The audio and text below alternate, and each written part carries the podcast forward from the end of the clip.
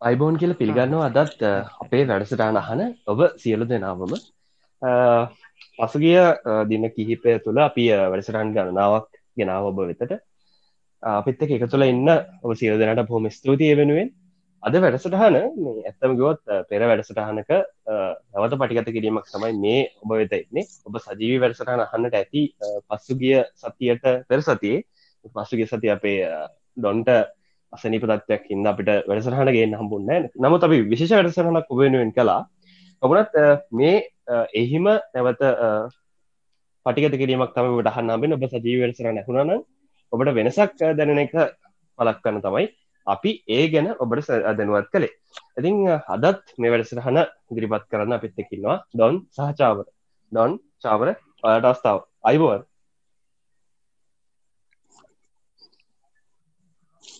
අයිබන් අදුන්. අයිබන් චාමර. අපි පටන්ගමන ඔව. අපි දැන් අපේ දෙවෙනි වැඩසටහනදී අපි ඉදිරිපත් කරා කොහොමද හිටර් සහ ජර්මානු යුදයාන්ත්‍රණය පෝලන්තය දක්වා තමන්ගේ ක්‍රියාදාමයන් ඉදිරියට ගෙනනිච්චේ කියලා. කියන පෝලන්තය යටත් කරගත්න තැන වෙනකම් සහ ඊට පසු ඇති වුණ බලපෑම් ගැන අපි කලින් සතියේ වැඩසටහනදී අපි කතා කර. තින් මං හිතන්නේ අපි මේ කතා කරේ මොකක්ද කියලියොර වෙලා පොඩි පෙරවදනක් නැවතත් ලබා දෙන්න මම චාමරට ආරාධන කරන මොකද අද වැඩසටහන්ට එන්න කලින් ඒක ගැන පොඩි සංක්ෂිප්තයක් නැවතත් ඔබ සියලු දෙනාම දැනගත්තොත් අද වැඩසරහන්ට එළඹීම තවත් පහසුවයි කියලා හිතන හින්දා චාමර අපි පොඩි සංක්ෂිප්තයක් දෙමු මේ පෙරවදනක් දෙමු. මොකක්ද අපි කිය සතිය කතා කරේ? සහ අපි දැන් අද ඉන්න තැනට කොහොමද ආවේ කියන ඔව. ඇත්තටම අපි මංහිතන පටන්ගත්තේ මේ වැඩේ සති කිහිපයකට කලින් අප්‍රේල් දහට වෙන්ද පටන්ගත්තේ පටන්ගත්තේ දෙවන් ලෝක යුද්ධයට යුරෝපය ප්‍රවේශවීම කියන මාතෘකාව යටතේ. අපි පලවෙනි දවසේ කතා කරා මංහිතන්නේ චෙකොස්ලොවේ කියාවේ අර්බුදය දක්වා.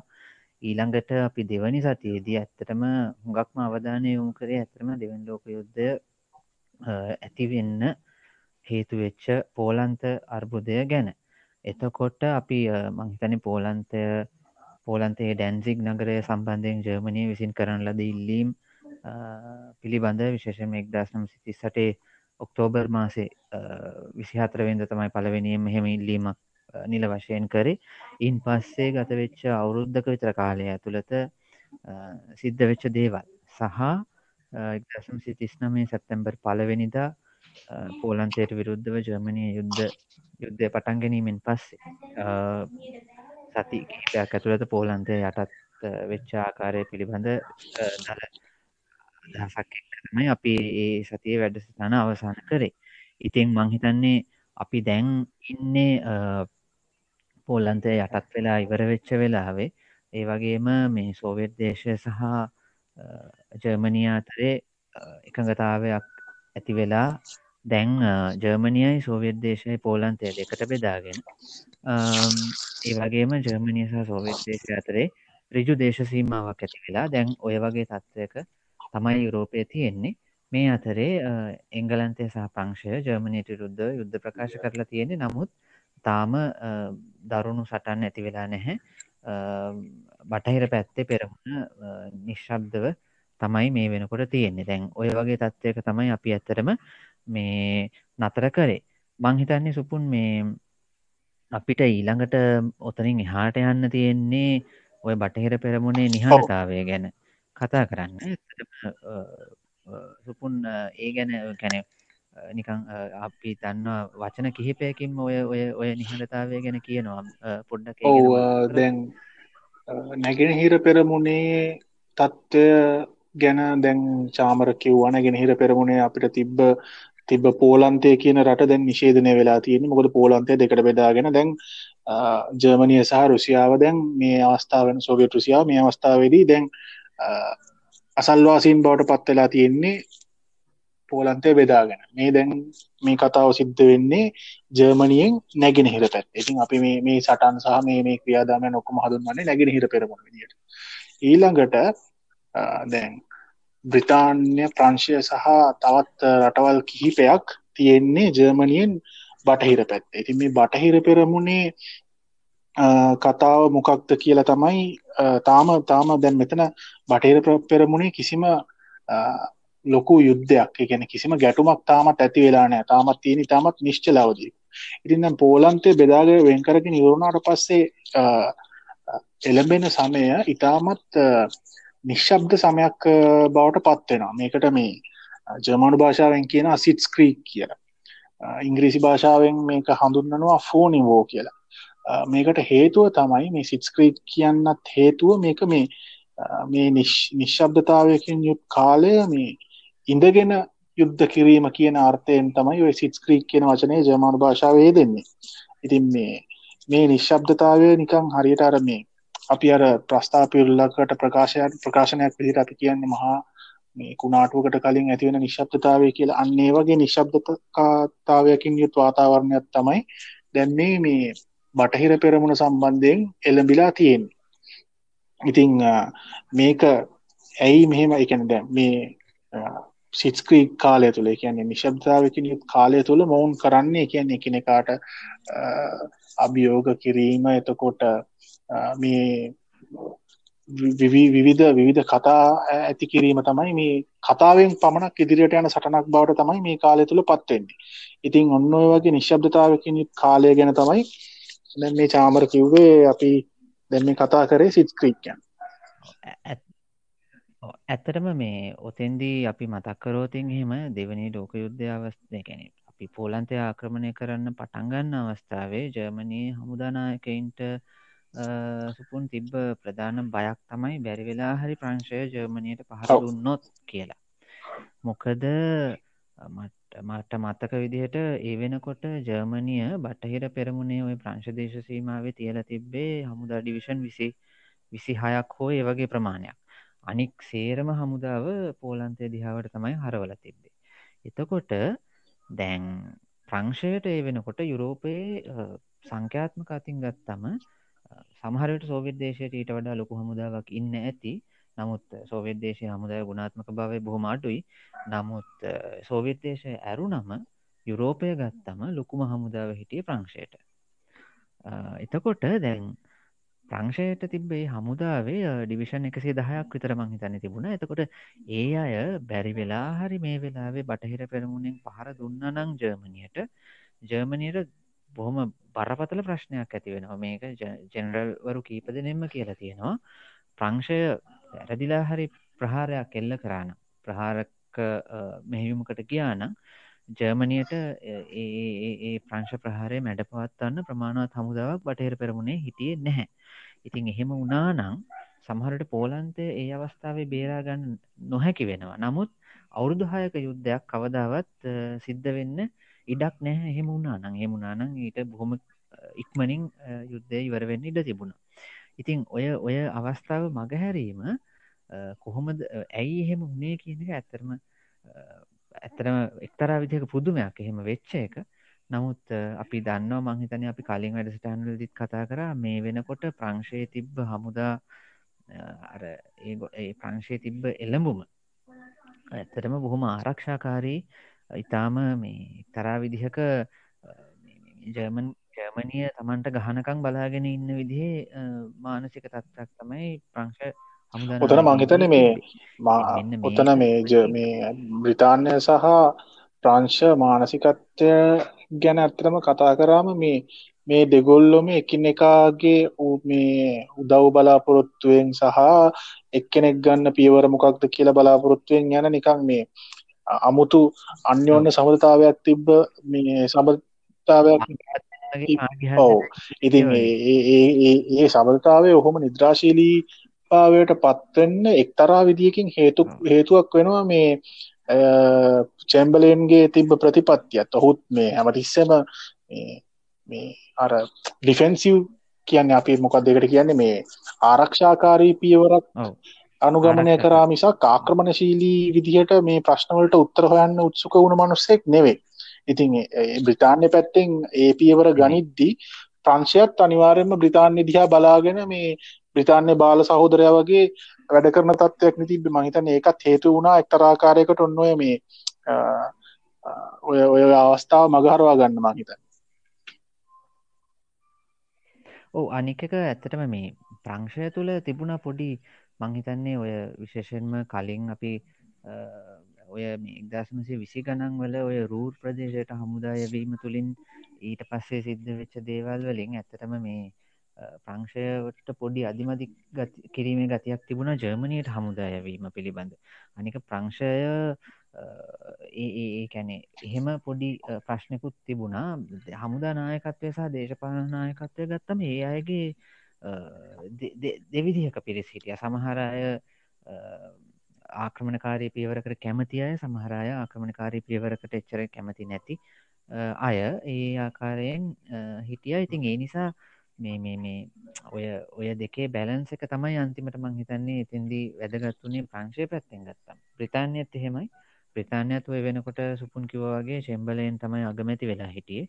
දැන් ඔය අවස්ථාවේ චර්චිල් වගේ කෙනෙ අගමැති වෙලා හිටියනම් අපි දන්නේ මොකක් වෙයිද කියලා. හැබැයි එතැදි මතක තියාගන්න කාරණයක් තමයි බ්‍රතාානයට මහද්වීපය සටන් කරන්න යුද්ධ හමුදාවක් කියලා ලොකු යුද්ධ හමුදාවක් හිටිය නැහැ. අනික මේ අපි කතා කරන්නේ යුද්ධ පටන් ගන්න වෙලාවේ. එතකොට ස්ථාවර යුද්ධ හමුදාවක් කියල බ්‍රතාානයට ලොකු හමුදාවක් හිටිය නෑ ප්‍රංශයට හිටිය. නමුත් හුඟක් අනික් රටවල් වලට ස්ථාවර ලොකු හමුදාවල් හිටිය නැහැ. ඒ නිසා ඇත්තරම බ්‍රතාානයට යුද්ධ කරන්න ඕන වනත් ප්‍රංශයේ උදව් නැතු යුද්ධ කරන්න පුළුවන්කමක් තිබුණ නෑ ඔය වෙලාවේ. ප්‍රතාානයට පුළුවන් නාවික බලය පෙන්න්න විතර නාවික හමුදාව ගත්තම් ප්‍රතාානයට ලොකු නාවික හමුදාවක් හිටිය. නමුත් යුද හමුදාව තම පොඩි. ඒනිසා ප්‍රංශය උදව නැතු කොහොමටත් බ්‍රතාානයට තනියම යුද්ධ කරන්න පුළුවන්කමක් තිබුණේ නැහැ. ඉතිං අපි ඉතිහාස අපි කලින් කතා කරපු එක සිද්ධියක් අපිට මතකයි. ඔය මේ රයින්ලන්තේට හමුදා එව අවස්ථාවේ ඒ අවස්ථාවේ ඇත්තටම බ්‍රතාානයට තනිය මුකුත් කරන්න පුළුවන්කමක් තිබෙන ඒ වෙලාවේ ප්‍රංශය තිබ බොහොම අස්ථාවර දේශපාලන තත්වයක් ඒක තමයි හිටල පාවිච්චි කරේ. ඉතිං හෝමහරි මේ මේ මේ අවස්ථාවේ ඔය සිත්ස්ක්‍රී හෙමනැත්තම ෆෝනි වෝ හෙමනැත්තම ව්‍යාජ යුද්ධ සිද්ධ වෙච්ච කාලේ ජර්මණය පැත්තෙන් ගත්තෝ ජර්මණය ඇත්තටම බ්‍රිතා මේ ප්‍රංශයට පහර දෙන්න සැලසුම් සකස් කරමින් හිටියේ. මේ මේ මේ මොකද ඒගොල්ලු තනිකර මේ බලාගෙන හිටිය නැහැ. ගොල්ලු සූදානම් වෙමින් හිටියේ. නමුත් මේ වෙලා වෙද්දී හිටලගේ තිබුණා එක්තරා කාරණ කීපයක් තියෙනවා. එකක් සීත කාලය ලංවෙමින් තිබුණ. නිසා යුද්ධ මෙහෙයුම් පටන් ගැනීම පිළිබඳ පොඩි අධිමදි කිරීමක් තිබුණ. එනිසා ඊළඟ අවුරුද්ධ පටන්ගත්තම යුද්ධ මෙහෙයුම් පටන්ගමු කියන වගේ තත්ත්වයකට ඇවිල්ල ටිකක් කල් දැම්ම. ඒ වගේම තමයි හිටලට අවශ්‍ය වන ඇතරම හැකියාවක් තියෙනවා නම් එංගල විශේෂයම බ්‍රතාානය සමඟ එකඟතාවයකට එන්න. මොකද දැන් හිටල කියල තින පෝලන්තය සම්බන්ධයෙන් දැන් මුකුත් කරන්න බෑ ඕගොල්ලන්ට. නමුත් බ්‍රතාානය අධිරාජය සම්බන්ධයෙන් අපිට කිසිම ප්‍රශ්නයක් නෑ. බ්‍රතාානය අධිරාජ්‍ය ලෝකයේ පවතින්න ඕනේ ලෝක බලතුලනයට අත්‍යවශ්‍ය කාරණයක්. ඉතිං ඔය අපේ සමහරය හිතාගෙන ඕන හිටල හින්දා මේ වක්්‍රාකාරයෙන් අපිට නිදහස ලැබුණ කියලා. ඇතරම මේ හිටල අවශ්‍යතාවයක් තිබෙන බ්‍රතාානය අධිරාජය විනාශ කරන්නේ. එක හු මයින් කාම්් පොතෙත් කියලා තියෙනවා. ඔහු මේ මේ අවස්ථාවත් කියල තියෙනවා. ඉතිං ඒ වගේ එන්න එහෙම එළඹුමක් තමයි එතන තිබුණේ. එතකොට හිටලට ඕන කර එක පැත්තකින් පුළුවන් නං ඉංග්‍රීසි කාරයෙන්ව කැමති කරගන්න සාමයට. එතකොට මොකද ඒ වෙලා හිටල ස්ටෙප් බයි ස්ටෙප් කියපු කෙනෙක් රයින් ලන්තයට හමුදායව්වා ඊට පස්සේ මම කැමති සාමයට සුපුන් ගිය සතියකිව මහිත නිරන්තරයෙන්ම හිටල මේ සාමය ගැන කතා කර කර තමයි ඔය හැම ආක්‍රමණික පියවරක්ම ගත්තේ. ඔස්ට්‍රියාවට හමුදායව්වට පස්සකිව මම අයමකුත් ඉල්ලන්නේ මම කැමති සාමය. චෙකස්ලොවේකයාවට හමුදායවමත් ඒකමයි කිවේ මෙතෙන්දිත හුට අවශ්‍ය කරේ ඒකම කරන්න. හැබැයි අර නැවත නැවත නැවත නැවත ලැජ්ජාවට පත්වෙච්ච නිස් වෙච්ච ලැජ්ජාව වහගණ්ඩ ඕන හින්ද බ්‍රතාානය සාප්‍රංශය මේ වෙලාවේ ඒ ඒ ඒ ඒ යෝජනාවලට කැමති වුණේ නෑ ඔන්න ඔහම සිද්ධියකුත් සිද්ධ වුණ. ඉතින් ඒ නිසා ටික කාලයක් හිටලට හිටල ටික කාලයක් ගත්තා එංගලන්තයත් එක් ආයකඟතාවයකට එන්න පුළුවන්ද කියලා හොයල බලන්ඩ ඉතින් ඔන්න ඔය ඔය කාරණය හේතු වුණා යුද්ධ පටන්ගන්න පරක්කු වෙන්න. ඊට පස්සේ එක්දා සමසය හතලිය අවුරුද්දේ ඔහොම ගියා ටික කාලයක්. ඔහොම යද්දී හිටලගේ අවධානය එක පාරට වෙනත් පැත්තකට යොමුුණ ඒකින් පස්සේ තම් ඒ ඒක නිසත් බටහිර පෙරමුණේ සටන් ටික කාලෙකට කල් ගියා. ඒ වෙනත් පැත්ත තමයි ඩෙන්මාකය සහ විශේෂෙන්ම නෝවේ රාජ්‍ය මේ ඇයි ඒ එහෙම උනේ කියන ඒ ප්‍රදේශවල උපක්‍රමික වැදගත්කම ගැන මංහිතන සුපුන් මට වඩා හොඳර දන්නවා. මේ මේ ගැන පොඩ්ඩක් කියමු. දැන් ඇත්තරම මේ හිටලර්ගේ අවධානය ස්කැන්ඩික් රාජ්‍යන් වෙත. ඒ ඇන උතුරු යුරෝපයේ නෝවේ සහ ඩෙන්මාර්ක් ස්කැන්ඩික් ප්‍රදේශන් කිව්වම නෝවේ ඩෙන්මාර්ක් සහ ස්වීඩනය කියන රාජ්‍යන් තුන තමයි සාමාන්‍යෙන් පිළිගත් ස්කැන්ඩික් රාජ්‍යයන් විදිට පවතිය නමුත් පසුව ෆින්ලන්තය සහ අයිස්ලන්තය එකතු වෙනවා මේ ස්කැන්ඩික් රාජ්‍යන් ගණයට ලා වටහා ගන්නවා. නමුත් මෙත් සුපුන් පොඩි පොඩි පැහැදිලි කිරීමක්? පොඩි පැහැදිලි කිරීමක්. මේ ස්කැන්ඩි නේවියාව ස්කැන්ඩික් රාජ්‍යන් ඔය එකම වචනද මොකක්දේ?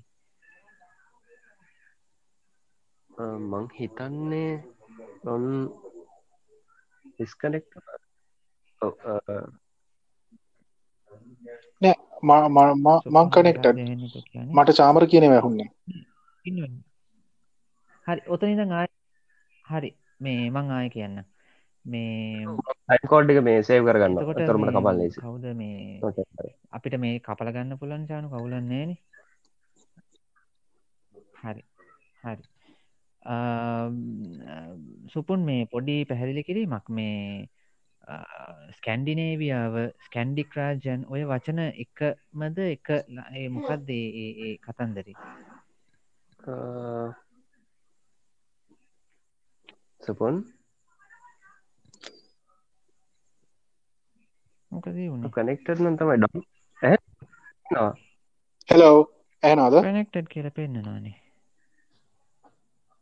ඕ ඕ ඕ. ආයි හරි මට එනවා. හරි. ඔන්න එන මං ආයහන්න හරි. ලයිට් මේ සුපුන් පොඩි පැහැදිලි කිරීමක්. මේ ස්කැන්ඩික් රාජ්‍යන් ස්කැන්ඩිනේවියාව ඒ අපි ඔය වචන දෙකතුන කහල තියෙනවන. ඕවා එකමද මොකක්දේ කතන්දරේ? ඩොන් ඩොන්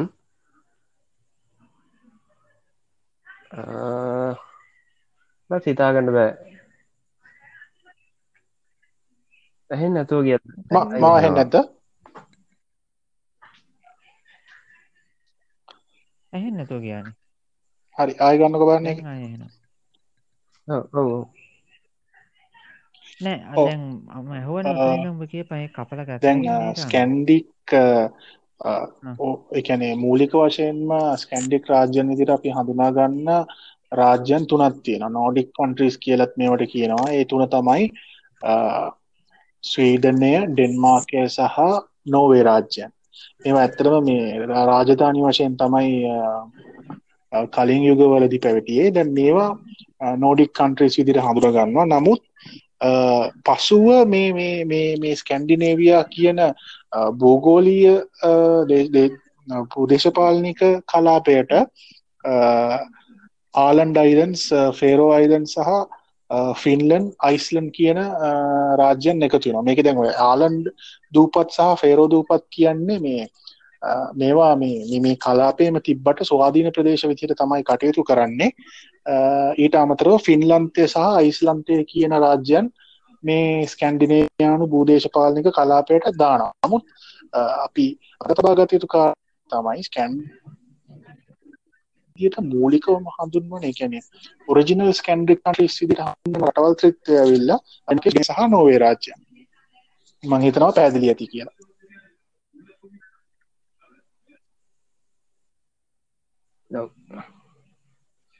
අන්තිම චුට්ට අන්තිම පොඩ්ඩ ඇහුන්නතුව ගියා නේද? හරි මං කියන ඔයාට ආය ඒ අතන්ද චුට්ටගේ ඒරි වන හරි. ඔරිජිනල් ස්කන්ඩික් රාජ්‍යන් මොන අන්නේ ඔරිජිනල් ස්කන්ඩික් රාජ්‍යන් විදියට හඳුන්වන්නේ මේ ඩෙන්මාකය ස්වීඩනය සහ නෝවේ කියන රාජ්‍යන් මේ රාජධාන තුන තමයි මේ මූලික වශයෙන්ම ස්කැන්ඩික් රාජ්‍යන් විදිහට පැවතුනේ. නමුත් අර දේශපාලනික වශයෙන් ඊළඟට එකතු වෙන කියන ස්වාධීන ප්‍රදේශ සහ භූදේශපාලනික කලාපයක් විදිට හඳුන්වද්දී ආලන් දූපත් සහ ෆේරෝ දූපත් ෆින්ලන්තය අයිස්ලන්තය කියන රාජ්‍යන් ඇතුළුව ඔරිජිනල් ස්කන්ඩික් කන්ට්‍රි ස්ත්‍රිත්වය ස්වීඩනය ඩෙන්මාකය සහ නෝවේ මෙන්න මේ සියල්ල මේ එකතුවෙන් තමයි ඔය දැන් වර්තමානයේදී අපි ස්කන්ඩික් ප්‍රදේශය විදිට හඳුන්වන්න. මහිතන පැදිලි ඇති කිය හරි. මට තේරිච්ච විදිහට ඔව මට තේරච්ච විදිහට ඔය ඔරිජිනල් රයිට වල තමයි මංහිතන්නේ ඔය මේ වයිකිංස්ලා මුලින්ම මේ ඊට පස්සේ ඕ ඒකැන අපි ඕක නෝඩික් කන්ට්‍රීස් කියන්නේ නෝස් ඔරිජින් එක සම්භවය සම්බන්ධයෙන් ඇතිවුණ රාජ්‍යයන්. එතකට වයිකින් වරු තමයි ඕක මුලික වශයෙන් මේ ඔය රටවල් මේ ඔය රටවල්ල මේ ජනගහනය ඇති කරන්නේ ගැනීම ජනාකීර්ණ කරන්නේ ජනවාස කරන්නේ. ඉතිං ඔය නෝඩික් රාජ්‍යන් තුන තමයි පළමු නෝඩික් රාජ්‍යන් විදිට හඳුන්වන් ඉතින් ඒ සම්භවය සහිතව පැතිරුණ පුද්ගලයන් සහ පසු ඇතිවුණ දේශපාලනික බෙදීම් එක තමයි පසු අපි හඳුන්වන්න ස්කැන්ඩික් කලාපය විදිට හඳුන්වන්න ප්‍රදේශය හඳුන්වන්න.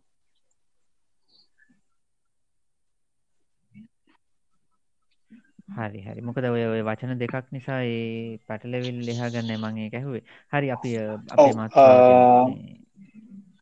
ඔව දැන් දැන් හිටලර්ගේ අවධානය යොමු වෙනවා නැගෙනහිර පෙරමුණෙන් සිද්ධිවලින් පස්සේ මේ උතුරු යුරෝපය වෙත ඔහුගේ අවධානය යොමුුවෙන උතුරු යුරෝපයේ ඉතාමත් විශේ සුවිශේෂී විදිට කතා කරොත්තේම ඩෙන්මාර්කය සහ නෝවේ කියන රාජ්‍යන් වෙත ඔහුගේ අවධානය යොමුුවෙනවා දැන් මේ අවධානය යොමුුවෙන් හේතුව මොකක්ද කියලවරලා අපි සලකා බැලුවොත්තේම අපිට අදුරගන්න පුළුවන් මේකට මේකට මූලික වුණ කාරණාත්‍රිත්වයක්. පළවෙනිම කාරණය තමයි හිටලරට අවශ්‍ය වෙනවා මේ නෝවේ සහ ඩෙන්මාකය කියන කලාපය බ්‍රතාන්යන්ගේ අතර පත්වීම වැලැක්වීම ඒක ඔහු ඔහුගේ ඔහුගේ ඕක සැලසුම් වල තිබ්බ පළවෙනි පළවෙනි හේතුවක් දෙවැනි හේතුව තමයි මේ දැන් මේ නෝවේට යාබදව තියෙන ස්වීඩනය තමයි මේ කලාපේ කියන යුරෝපියානු කලාපේ තිබුණු ඉතාමත් සම්පත්වලින් අධිකව පැවති ලෝහ නිදී පැවතුන රාජ්‍ය ඉතින් මේ ලෝහ නිදිවලට ස්විඩනය තියන ලෝහ නිදිවලට පිවිසුම පවතින්නේ නෝවේ රාජ්‍යයේ නාවික් කියන තොටුපොළ හරහා. නාවික් තොටුපොලෙන් තමයි මේ ස්වීඩනයේ තිබෙන ලෝහ නිදිවලින් ගන්න ලෝහ සහ වෙනත් වෙනත් අමුද්‍රව්‍ය ඔක්කොම මේ පටවන තොටුපොළ විදිට හඳුන්වන මේ නාවික්. මේ නාවික් තියන්නේ නෝවේ රාජ්‍යයේ උතුරු කෙලවරට වෙන්න තමයි පිහිටන්නේ. මේක ආක්ටික් කවය ඇතුළත පිහිටන ප්‍රදේශයක්. ඉතාමත් හිමෙන් හිමෙන් ගහන සීතල ප්‍රදේශයක්. නාවික් තොටුපලේ තින සවිශේෂී බව තමයි මේ උත්තුරටම වෙන්න පවදින්න ප්‍රදේශයක් වුණාට මේ තොටුපොල හිම හිම ගණවීමෙන් අවහිර නොවන තොටුපලක් ඉතින් ඉතාමත් පහසුවෙන් මේ තොටුපොලට ළඟා වෙලා ස්වීඩන් දේශසීමාවෙන් ගෙන්න්නන ලෝහ වර්ග මේ තොටුපලින් පටවල ගෙනයාම හැකියාව තියෙනවා. ඔන්න ඔය ලෝහ සම්පත්වලට අවධානය එකනේ යුරෝපය යුද්ධයක් දිනන්නම් අනිවාර්යෙන්ම යුදාධිපත්‍ය පතුරුවනනම් හොඳ ලෝහ සැපියුමත් තියෙන්න්න ඕන්. ඒක එක අනිවාර්ය කාරණය ඉතින් ජර්මණය කියන්නෙත් බොහොම මේ ලෝහවලින් දිව්ව රටක්න. ඉතින් අපි අපි අහල තියෙන වචනයක් තමයි ජර්මන් ස්ටීල් කියනෙ ඉතින් ඔවුන් කොච්චර යකඩ මත යපුනද කියන එක එකෙන් අපිට පේනවා. ඉතින් මෙන්න මේ යකඩවලට තියෙන පිවිසුම ලබා ගැනීම ඔවුන්ගේ එක්තරා අරමුණක් වුණා. ඕක අපිට දෙවැනි අරමුණ ලෙස ලයිස්තු ගත කරන්න පුළුවන්. තෙවෙනි අරමුණ තමයි දැන් ඩෙන්මාක් රාජ්‍ය පිහිටන්නේ ජර්මණයට උතුරන්නේ කැන් ජර්මණයට ඉතාමත් ආසන්නේ උතුරින් තමයි දෙන්මාකය පිහිටන්නේ. ඒවාගේම ඩෙන්මාකය සහ නෝවේ කියන රාජ්‍ය ඉතාමත් දිගටි හැඩහෙකින් උතුරු යුරෝපය කරා දිවෙන එකනේ ද පොඩක් එතන කපල ගන්න. මේ මට වචනය අමතකුණා මේ? ජියෝග්‍රෆි කියනකට මේ කියන වචනය මොකක්ද හරි. බූ ආන් රයි භූගෝල විද්‍යාත්මක. උතුරු යුරෝපය තියෙන මේ භූවිද්‍යාත්මක වශයෙන් සැලකුවම ඉතාමත් දිගටි ප්‍රදේශයක් විදිර හඳුන්න්න පුලන් ඩෙන්මාර්කසා නොවය ප්‍රදේශය. එතකොට මේ ප්‍රදේශය ආධිපත්්‍ය ජමානුවන්ට ලබාගත්තම ජර්මණය ඩෙන්මාර්කය සහ නෝවේ පවතින්නේ එකක් මත එකක් පිහිටන ලෙස දිගටි හැඩයකින්. එතකොට මොවුන්ට පුළුල් පෙරමුණක් කොස්සේ බටහිරින් පවතින එංගලන්තයෙන් එංගලන්තයට මුහුණදීම සඳහා හැකියාව තියෙන ඒ කියන්නේ තමන්ගේ තියෙන යුද හමුදාවට ගුවන් හමුදාවට පුළුල් පෙරමුණකින් යුතුව බ්‍රතාන්යට මුහුණ දෙන්න පුළුවන් හැකියාව ලබා ගැනීමට තියෙන හොඳම අවස්ථාව තමයි ඩෙන්මාර්කය සහ නෝවේ යටත් කර ගැනීම. ඉති මේ මේ රාජ්‍යන් දත්ත තමා යටතට ගත්තොත් එහෙම සම්පූර්ණ බ්‍රිතාන්‍යයන්ට යුරෝපා මහත්වීපයට ඇතුල් වෙන්න තියෙන හැකියාව එක්තරාකාරයකි නවහිරවීමක් වෙනවා ඔය උතුරු යුරෝපා ප්‍රදේශයෙන්. ඉතින් මේක මේ මූලෝපායික වශයෙන් ඉතාමත් වැදගත් හේතුවක්. ඔන්න ඔය හේතු ක්‍රිත්වය තමයි ප්‍රධාන වශයෙන්ම බලපාන්න හිටලර්ට මෙන්න මේ ඩෙන්මාර්කය සහ නෝවේ රාජ්‍යන් වෙත තමාන්ගේ අවධානය යොමු කරන්න. ඉතින් මේකේ මේ තව දේශපාලනික කාරණාවගේ ඇත්තින මං හිතන්නේ චාමර කතා කරයිට මේ පසුබිමේ තින් දේශපාලනය පිළිබඳ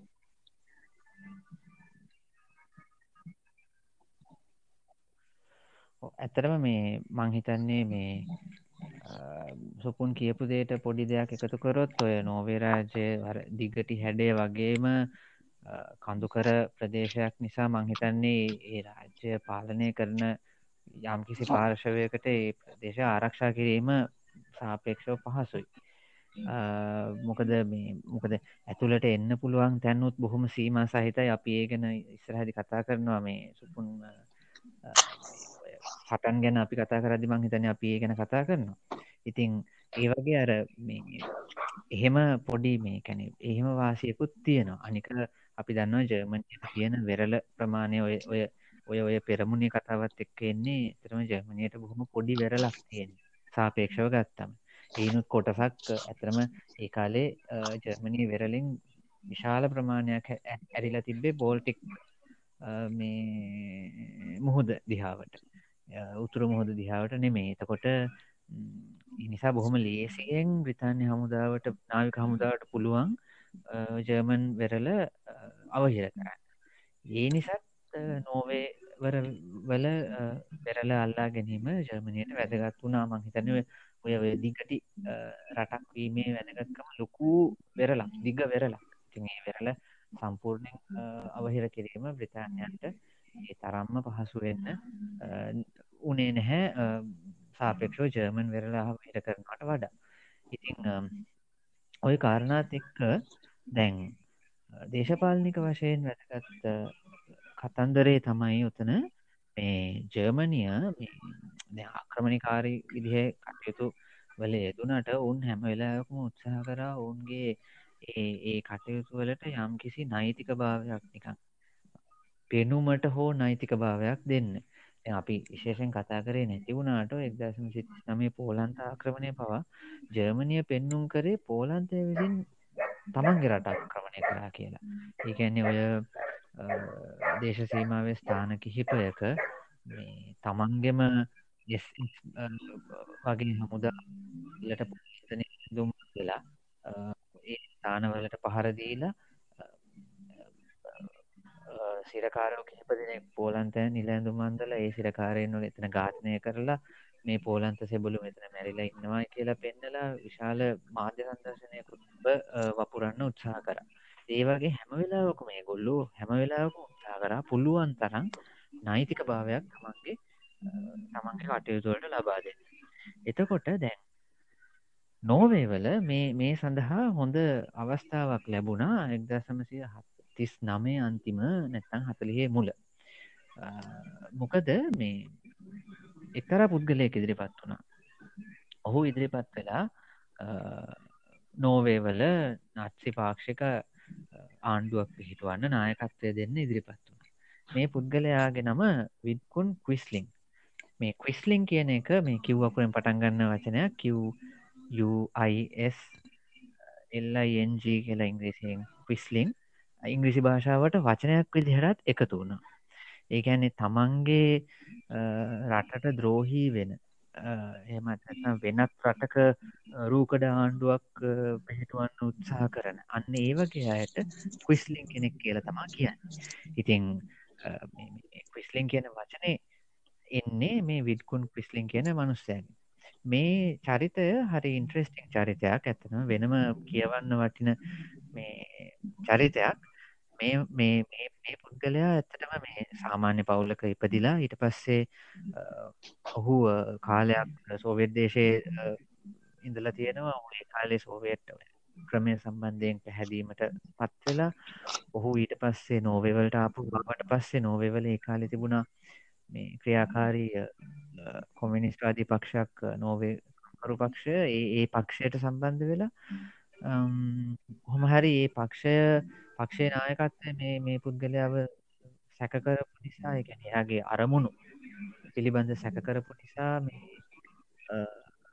ඔහු ඒ පක්ෂයෙන් අයින් වෙලා ඊට පස්සේ ඔහු ගිහිල්ලා තන් අන්ත දක්ෂිනාංශික පක්ෂයක් පිහිටුව ගන්නට කාලෙක. ඒ එහෙම පක්ෂයක් පිහිටවාගෙන ඔහු මේ කලක් රටේ ආරක්ෂ කැමති විදිහටත් වැඩ කරන්න දැ මේ මේ මේ අතරේ ඔහුට තියෙනවා මේ ඔහු ඔහුට සම්බන්ධකම් තියෙනවා රටේ ඉහළ පුද්ගලයොත් එක් ඉතිං කොහමරි කාලයක් යද්දී ඔහු ඉදිරිපත් වෙනවා. එක්දස්මසේ තිස්නමේ අන්තිම කාලේ ඔහු ඉදිරිපත් වෙනවා ජර්මණය වෙනුවෙන් නෝබේ වල කාරණ දෙකක් ඔහු කියනවා. එකැන ජර්මණයට තමන්ගේ රට ආක්‍රමණය කරන්න එකැන් තමන්ගේ රට හමුදාය වන්න අවශ්‍ය සහයෝගය තමන් ලබා දෙන්න ලෑස්ති මොකද සමහර සමහර තැන්වල තමන් දන්න කියන හිතවත් අය ඉහල තැන්වල ඉන්නවා සහ ඊට පස්සේ ආණ්ඩුවක් හිටුවන්න ඒ නෛතික බලවේ බලයක් ලබා දෙන්න තමන් ලෑස්තිී කියන ඒ ඒ කාරණය ප්‍රකාශ කරනවා. බොහෝ ඇත්තරම පළවෙනියම නත්්‍ය ආණ්ඩුවට සම්බන්ධ වෙන්නේ ඔය නට්සීන්ගේ න්‍යායාචාරවරයා විදිහට සැලකිච්ච ඇල්ෆ්‍රඩ් රොසන්බර්ග් කියන මනුස්්‍යය හරහා. රොසන්බර්ග් මෙයාව අඳුන්නල දෙනවා ඒ කාලේ නාවික හමුදාවේ අත්මිරල් රේඩට රේඩ තමයි ඊට පස්ස ක්විස්ලිංම එක්කා යන්නේ හිටලව හම්බෙන් කොමර හිටල බොහොම පැහැදෙනවා. ක්විස්ලිං ගැන්න සහ ක්විස්ලිං කියන දේවල් ගැන. හිටල ක්විස්ලිංම විශ්වාස කරන පුත්තින්ට ඇත්තරම් බලයක් තියෙනවා කියලා. ක්‍රිස්ලින්ගේ පක්ෂයට ලොකු බලයක් නැහැ. ජනතාව අතර ලොකු ජනප්‍රසාදයක් නැහැ. ඒ වුණාට විස්ලින් කියනවා කලින් ඉහල තැන්වල මිනිස්සු ඉන්නවා තමන්ට සායෝක ලබා ගන්න පුළුවන් කියනදේ ඉතිං කාලය ආරක්ෂ කැමති විදිහට හිටපු කෙනෙක් නිසා හිටල විශ්වාස කරනවා මේ මනුස්සයා කියන කතාව ඇත්ත. මේ ඒ නිසා මේ මේ මේ පුද්ගලයා පාච්චි කරලා අපිට එකක් නොවේ අල්ල ගැනීමට පහසුවෙයි අනිකට මේ අපිට ඊට පස්සේ නෛතික ආණ්ඩුවක් නෝවේවල පිහිටුවන්න පුළුවන් වෙයි කියලා. හැබැයි ඒ ඒ කාරණය තමයි මේ ඒ ඒ කාරණය මත පිහිටලා ඒ ඒ ඒ උපකල්පනය මත පිහිටලා මංහිතනෙක් දස්මසය හත්තලිහි පෙබරවාරි විතර වෙද්දී හිටල පටන් ගන්නවා මේ නෝවේ ආක්‍රමණය කිරීම සඳහා පිම්බුරු පත් සකස් කන ගැන මූලික කටයුතු සිද්ධ කරන්න. ඊට පස්සේ මේ මහිතන අන්තිම ප්ලෑන් හදන්නේ ඊට වඩා ගොඩ තරමක් පස්සේ.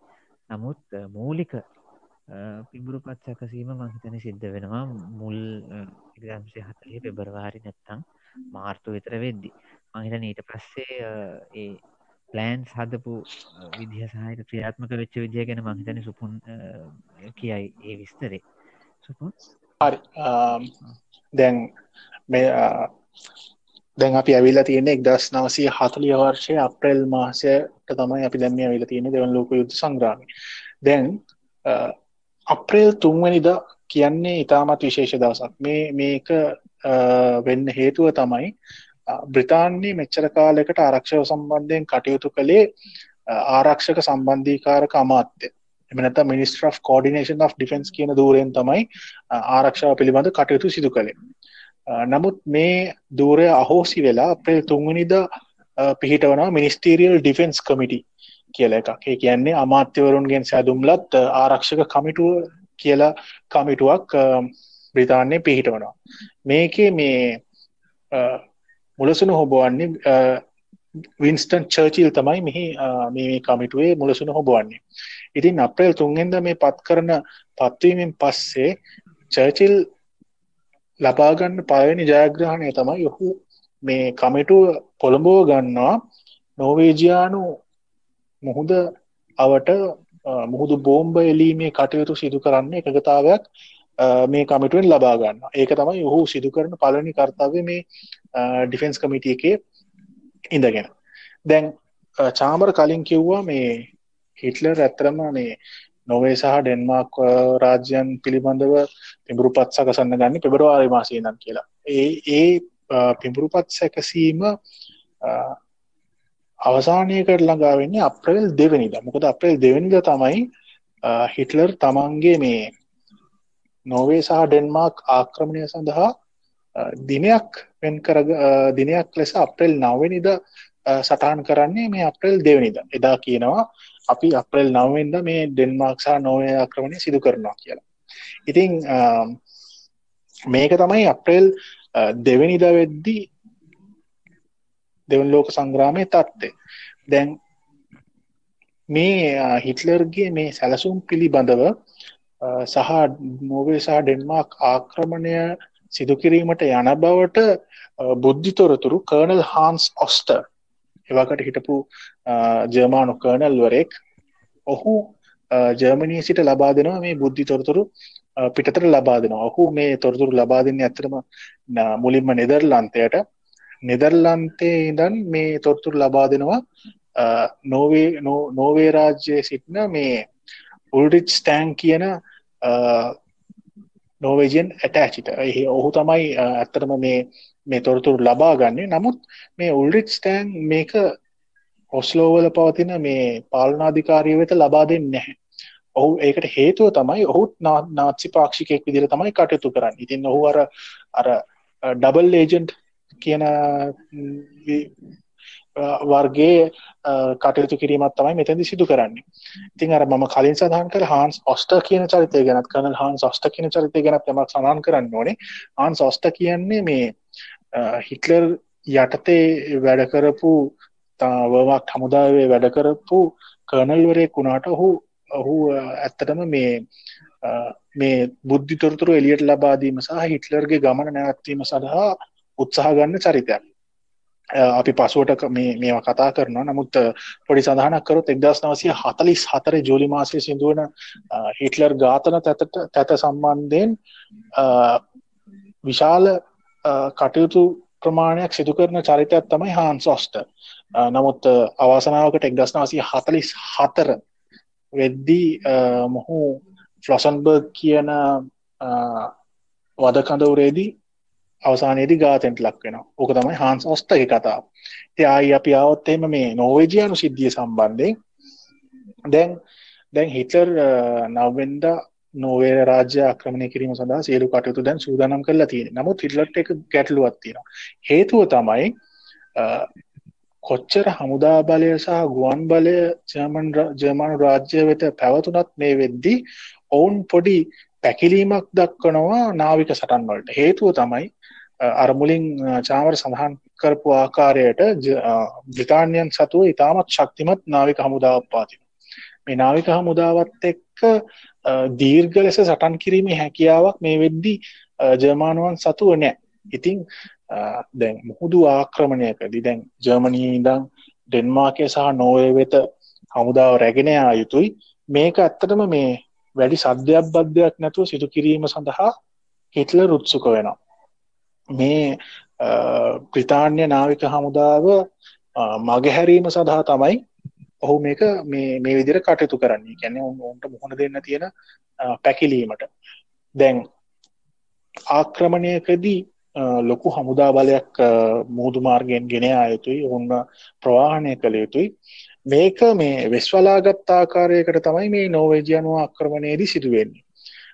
හිටලර් මේකට යොදන එක්තරා උපක්‍රමයක් තමයි දැන් අර මං කලින් සඳහන් කරා වගේ නාවික් වලට සහ මේ තොටුපොළ වලට ඇත්තටම ජර්මානු නව නෞකා කාලයක් තිස්සේ ප්‍රවාහන නෞකා කාලයක් තිස්සේ යනවා. මොකද ගල් අරන් අඟුරු ප්‍රවාහන නෞකා ලෝහ ප්‍රවාහන නෞකා දිගින් දිගටම මේ වලට යනවා.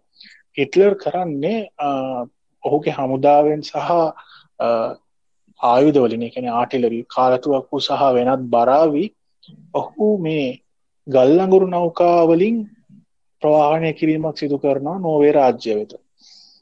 එහෙම කරන්නේ කිසි සැකයක් ඇති නොවන විදිහට කටයුතු කිරීමට තමයි ඔහු මේ උපක්‍රමය භාවිතා කරන්න. ඉතින් මේ දැන් මේ සම්පූර්ණ ආක්‍රමණය සඳහා ලක්ෂයක පමණ පිරිසකගේ සහභාගිත්වයක් අවශ්‍ය බව ඔවුන් සඳහන් කරනවා. මේ මේ මේ සට්නෙදී සහ ලක්ෂයක පමණ පිරිසක් ඇත්තටම සහභාගී වෙනවා. පසු අවස්ථාවකදී සම්පූර්ණ මේ ආක්‍රමණයම සලකා බැලුවම සැබලුන් ලක්ෂයක පිරිසක් පමණ සහභාගී වෙනවා. ඉතින් මොවුන්ව ප්‍රවාහනය කරන්නේ ඔන්න ඔය වගේ මාර්ගවලින්. තවත් එක් උපක්‍රමයක් තමයි මොවුන් යොදාගත්ත ඉක්මනින්ම ජර්මනියේ සිට නෝර්වේ වෙරළ තීරයන් කරා සැබලුන් ප්‍රවාහනය කිරීමට ඔවුන් යොදා ගන්නවා මේ බැටල් ෂිප් වර්ගයේ නෞකා.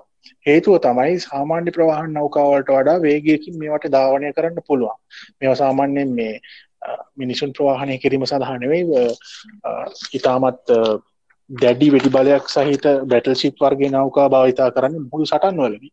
නමුත් මේ වර්ගේ යාත්‍රාත් ඔහු භාවිතා කරනවා ඉක්මනින්ම හමුදාව ප්‍රවාහනය කිරීම සඳහා. ඉතින් දැන් ඕක තමයි අප්‍රේල් දෙවනිදා ඉන් පසුව ඇතිවන ඉතාමත් ඉක්මනින්ම ඊට පසුව ඇතිවන තත්ත්වය. දැන් නෝවේ රාජ්‍ය ගැන කතා කරාම නෝවේ රාජ්‍යය අපිට හඳුනගන්න පුළුවන් මේ වෙද්දි හිටලර් ආක්‍රමණය කිරීමට බලාපොරොත්තුවන මර්මස්ථාන කීපයක්. ප්‍රධාන ජර්මානු ආක්‍රමණය අතරම කේන්ද්‍ර වෙන්නේ ප්‍රධාන මර්මස්ථාන කිහිපයකට නෝවේ රාජ්‍යය පවතින. මේ මර්මස්ථාන අපි එකින් එක හඳුන්වල දුන්නොත් පළවෙනි එක තමයි ඔය උතුරු කෙලවරේ කලින් සඳහන් කරපු උතුරු කෙලවරේ පවතින නාවික් කියන තොටුපොළ ආශ්‍රිත නාවික් ප්‍රදේශය තමයි එක් ප්‍රධාන මර්මස්ථානයක් බවට පත්වෙන්නේ මේ ආක්‍රමණි.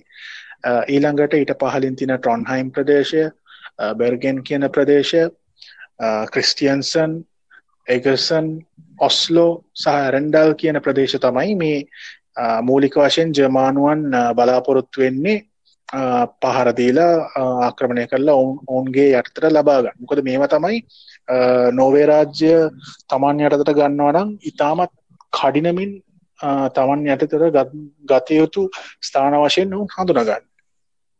ඉතින් දැන් නෝවේ රාජ්‍යයට කලින් ඇත්තටම මේ ජර්මානුවන්ට ඉතාමත් ළඟින් පිහිටන්නේ ඩෙන්මාර්කය. ඩෙන්මාර්කේ ඇල්බෝග් කියන ප්‍රදේශය ඔවුන් ඔවුන් සැලසුම් කරනවා පැරෂුට් බටයන් සහ ගුවන් ප්‍රහාරවලින් ලබාගන්න ඒවගේම ගොඩබිම් හමුදාවුන්ට යැවීම ඉතාමත් පහසු කටයුත්තක්. මොකද ජර්මානු දේශසීමාවට ඉතාමත් ආසන්නේ තමයි ඩෙන්මාක් රාජ්‍ය පවතින්නේ. ඉතින් ඕක තමයි මොවුන්ගේ මූලික යුද සැලැස්ම. තිං මේ යුද සැලැස්ම ඇත්තටම ක්‍රියාත්ම කරනවා මොවුන් ක්‍රියාත්ම කරනවා කියන්නේ මේ ද නවනි දන ආක්‍රමණ සිදු කිරීමට බලාපොරොත්තුවෙන් ඉතින් ඊට කලින් ඔවුන් ජර්මානු වැරල තීරවලින් හමුදාව පිටත් කළ යුතුයි. අප්‍රේල් හයවැනිද නාවික්වලට යවන ප්‍රධාන බටකණ්ඩායම පිටත් වෙනවා. මේක සැබලුන් දෙදහකින් සහ ග්නයිසනාවසා ශාන් හෝස්ට් කියන බැටල් ශිප් වර්ගේ නෞකා දුත්තෙන් යුතු කණ්ඩායමක් මොවුන් අප්‍රේල් හයවැනිද ජර්මනියෙන් පිට වෙනවා. ඊළඟට කෘස වර්ගේ ප්‍රහරක යාත්‍රාවක් සහ ඩිස්ට්‍රෝය වර්ගේ නෞකා හතරක් සමඟ දෙදාහක බට පිරිසක් ට්‍රන්හයිම් දක්වා ගමන් කරනවා අප්‍රේල් හයවැනිද. ඊළඟට හත්වනිද අප්‍රේල් හත්වනිද කෘස වර්ගේ යාත්‍රා යාත්‍රාවක් සහ තවත් කුඩා යාත්‍රාවන් සමඟ දෙදාහක පවන බට පිරිසක් ගමන් කරනවා ක්‍රිස්ටියන්සන් වෙත දැන් මේ මේ ක්‍රිස්ටියන්සන් වෙත යන බටකණ්ඩායම ඉතාමත් ඔවුන්ට ඔවුන්ට පැවරලා තියෙන කාර්යභාරය ඉතාමත් විශේෂී කාර්යභාරයක් හේතුව තමයි ක්‍රිස්ටියන්සන්ඩල ඉඳම් ඉතාමත් ටිකක් දුරින් පවතින ඇරන්ඩාල් කියන ප්‍රදේශය නම් තමයි බ්‍රිතාන්‍ය සහ නෝවේ සම්බන්ධ කරන දුරකථන මාර්ග වැටලා තියෙන්නේ. ඉතින් මේ ඇරන්ඩාල් කියන ප්‍රදේශයට ක්‍රිස්ටියන්සන් වෙත යවන බටයන්ගේ ප්‍රධාන කාර්ය තමයි මුඛ්‍ය කාර්ය තමයි ඇරන්ඩාල් වෙත ගොස් මේ තියෙන විදුලි රැහැන කැන ගුවන් දුරකතන රැහැන් විනාශ කිරීම. එතකොට ප්‍රිතාන්‍ය සමඟ නෝවේ පවතින සංනිවේදනය කිරීමේ හැකියාව අඩාල වෙනවා. දැන් ඊළඟට ඔස්ලෝ ඔස්ලෝ කියන්නේ නෝවේ රාජ්‍ය අගනුවර. ඔස්ලෝ වෙත ගමන් කරන කරූස වර්ගයේ යාත්‍රා තුනක් සහ තවත් කුඩා යාත්‍රා බලගනයක් සමඟ බටයන් දෙදහක පිරිසක්. මේ යවන බට පිරිසට අමතරව මොවුන් ප්ලෑන් මොවුන් සැලසුම් කරනවා මේ ගුවන් මගෙනුත් තවත් බටයන් පැරෂුට් බටයන් මේ ප්‍රදේශ වෙත ළඟා කරා. දැන් මේ තොරතුරු ඔක්කොම මේ මේ සූදානම් පිළිබඳ තොරතුරු ඇත්තටම මේ බ්‍රිතාන්යන් වෙත ලැබෙනවා. දැම් මේ මේ මේ ප්‍රහාරක සැලසුම් සහ මේ ප්‍රහාරක කණ්ඩායම් පිටත්වීම පිළිබඳව තොරතුරු බ්‍රිතාන්යන් වෙත ලැබෙනවා. සැලසුම් හරියටම ලැබුණ නැතත් මේ ප්‍රහරක කණ්ඩායම් නොවේ රාජ්‍ය රාජ්‍ය වෙත පිටත් වෙලා කියන තොරතුරු ඔවුන්ට ලැබෙනවා. කියටලුව තියෙන්නේ මේ දැන් මේ තොරතුරු ලැබුණ ගමන් ඇත්තරම බ්‍රතාන්‍ය සහ ප්‍රංශය නොවේ රාජ්‍ය වෙත පණවිඩයක් යවනවා. ඔවුන් සංනිවේදනය කරනවා යම්හයකින් නොවේ රාජ්‍ය ආක්‍රමණයකට ලක්වුණොත් ඔවුන් ඒ සඳහා පියවර ගන්නා බවට එකන නොවේ රාජ්‍ය බේර ගන්න නෙවෙයි. නමුත් ඔවුන්ගේ ආරක්ෂාව සඳහා පියවර ගන්නා බව පවසමින් ඔවුන් නොවේ රාජයට පණවිඩයක් ලබාද මොකද අපිට කියන්න අමතකුණ එක්කාරණයක් තමයි මේ මේ වෙනකං ඇත්තටම මේ නොවේ සහ ඩෙන්මාර්ක් රාජ්‍යයන් පැවතුනේ මේ නිියවට්‍රල් ස්ටේටස් එහනත්තං මේ අපක්ෂපාති රටවල් විතිර තමයි පැවතුනේ. එකැන මොවුන් බ්‍රතාන්නයට පක්ෂපාතිත් නෑ. එකැන මිත්‍ර හමුදා පාර්ශවයන්ට පක්ෂපාතිත් නෑ. ජර්මනයට පක්ෂපාතිත්වයක් දැක්වත් නෑ. ඔවුන් අපක්ෂපාති රාජ්‍යන් ඉදිරි තමයි පැවතුනේ. ඇතරමද මේ හිටලර් කරන්නේ අපක්ෂපාති රාජ්‍යන් දෙකක් ආක්‍රමණය කිරීම තමයි මොවුන් මේ සැලසුම් කරන්න. ඉතින් මේ අවස්ථාවේදී මේ ලැබෙන තොරතුත් එක්ක බ්‍රිතාන්‍ය දන්නනවා බ්‍රිතානිසා ප්‍රංශය දන්නනවා නොවේ රාජ්‍යයට අපි මෙහෙම වුණොත් අපි පහර දෙන්න සහ මේ සඳහා ක්‍රියාමාර්ග ගැනීම සඳහා අපේ තියෙන අයිතිය භාවිතා කරනවා. ඉතින් ඕක තමයි ඇත්තටම මේ බුද්ධි තොරතුරු මේ ගැන කතා කරද්දි අපිට කියන්න තියෙන්නේ. ඉතින් දැන් මේ මේ බුද්ධි තොරතුරු බ්‍රිතාන්‍යයට ලැබුණත් බ්‍රිතාන්‍ය විශ්වාස කරන්නේ කොයිම අවස්ථාවකදීවත් නොවේ රාජ්‍යයට ජර්මානුවන් පහර දෙයි කියලා. ඒකට හේතුව තමයි මොවුන් ඇත්තටම හිතාගෙන ඉන්නේ මේ ජර්මනියෙන් පිටත් වෙන නෞකා සහ ප්‍රහරක නෞකා බෝල්ටික් සාගරය හරහා ගිහිල්ලා උතුරු අත්ලාන්තික් ප්‍රදේශයට පැමිණිලා උතුරු අත්ලාන්තික් ප්‍රදේශයේ තියෙන බ්‍රිතාන්‍ය සැපියුම් ජාලවලට ගැන බ්‍රතාානය නෞකා ගමන් කරන මාර්ගවලට පහරදීල මේ සැපියුම් අඩාල කිරීමක් සිදු සිදු කරයි කියල තමයි බ්‍රතාන්යන් අපේක්ෂා කරන්නේ. ඉතිං මේක හින්දා අප්‍රේල් හයවනිද වෙද්දි ඇත්තටම බ්‍රතාන්‍ය නෞකාවලින් බ්‍රතාානය නාවක නාවික ශක්තියෙන් විශාල බලයක් යොදනවා මේ උතුරු අත්ලාන්තික් සාගර ප්‍රදේශවල බෝම් බේලීමේ කටයුතු එකැන මුහුදු බෝම් බේලීමේ කටයුතු සිදු කරන්න. එතකොට මේ වැඩේ තියෙන්නේ මේ මෙන්න මේ උතුරු අත්ලාන්තික් ප්‍රදේශයට බ්‍රිතාන්‍ය නාවික අවධානය යොමුනාම ඔවුන්ගේ තියෙන බලයෙන් වැඩි ප්‍රමාණයක් ඒ ප්‍රදේශයට යොමුනාම උතුරු අත්ලාන්තික් ප්‍රදේශය සහ නෝවේ රාජ්‍ය අතර තියෙන දුර ප්‍රමාණය හින්දා හදිසි අවස්ථාවකවත් නෝවේ රාජ්‍යයට ප්‍රහාරයක් එල්ල වුණොත් ඉක්මනින්ම එතනට පැමිණි මේ හැකියාව ඔවුන් නැති කර ගන්නවා කියලා කියන්න පුළුවන් මෙන්න මේ අවස්ථාවේදී.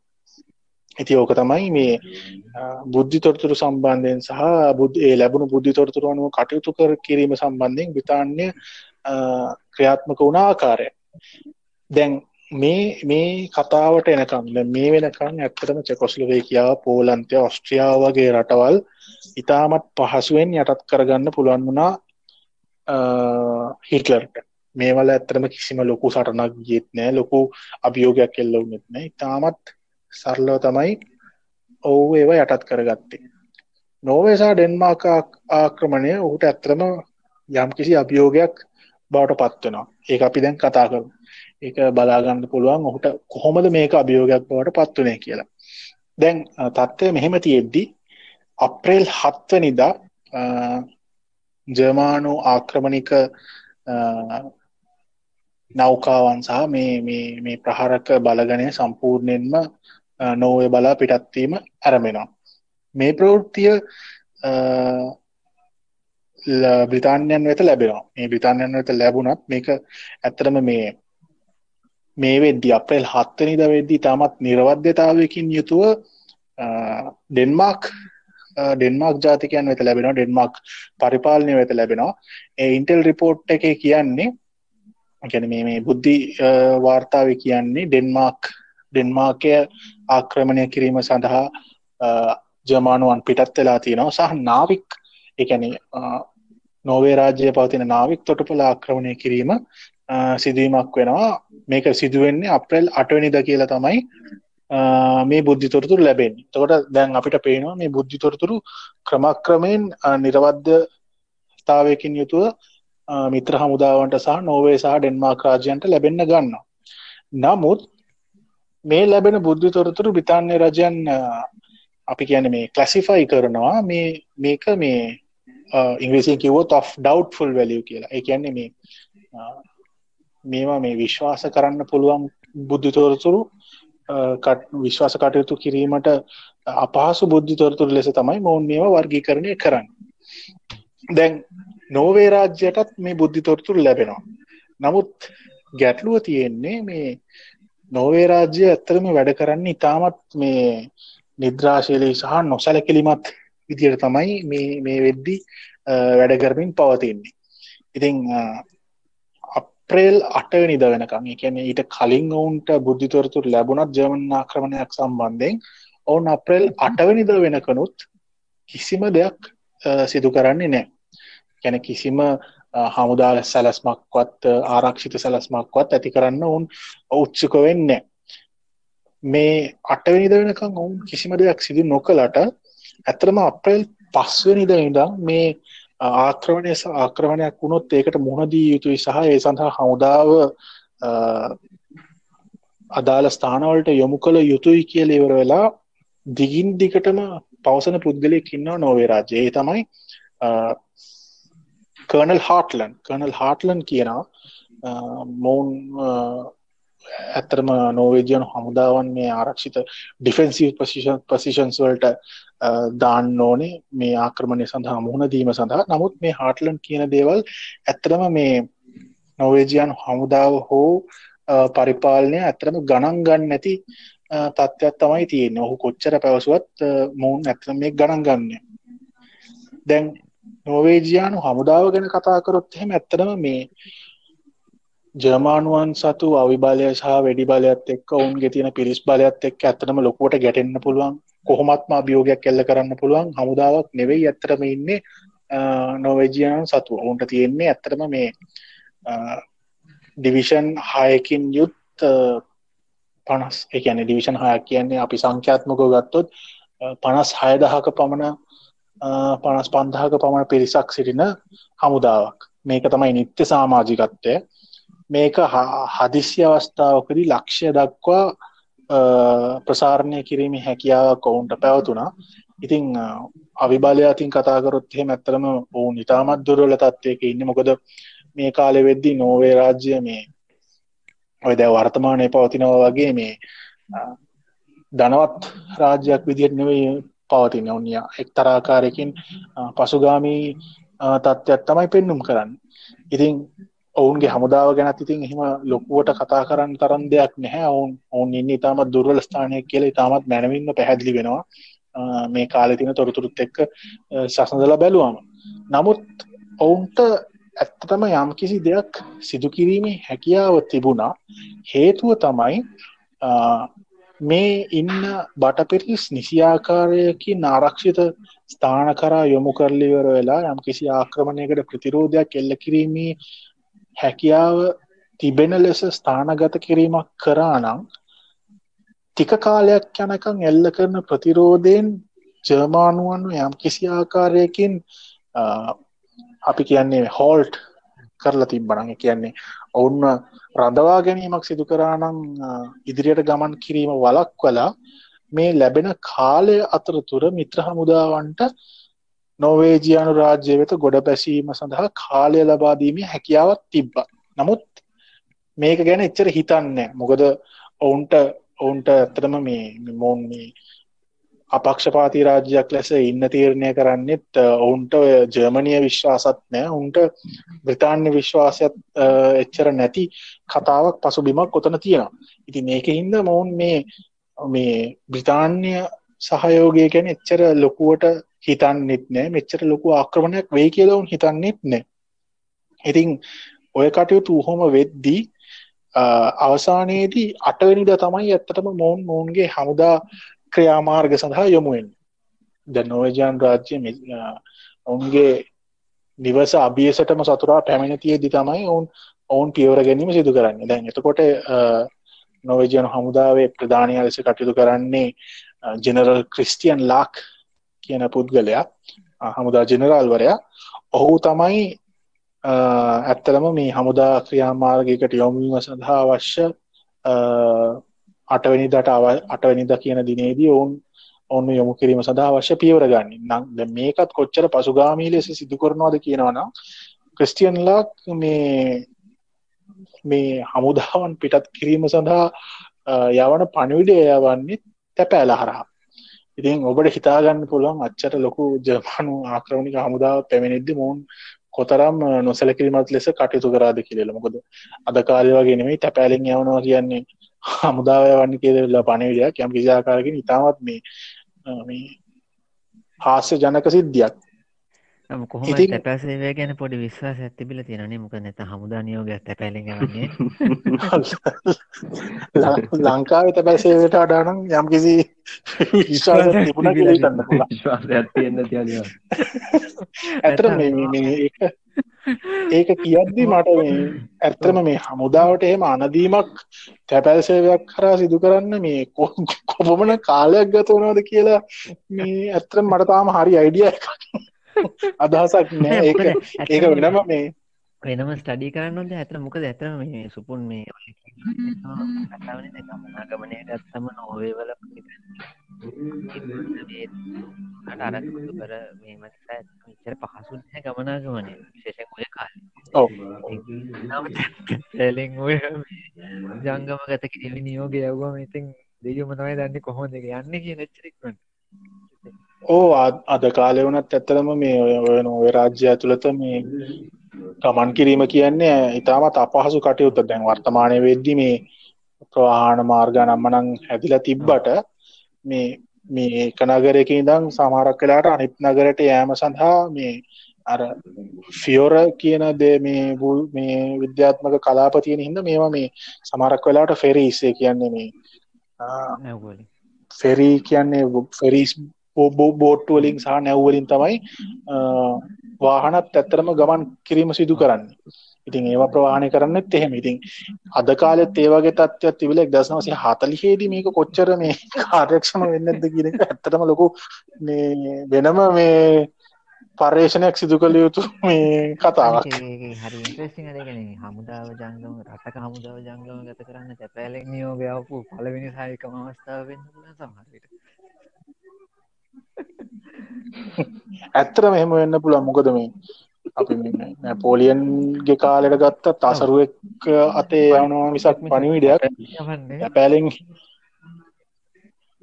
පැපැලින් යන සිද්ධියක් ඇතර මාත් අහලන ඉතිහාසිත.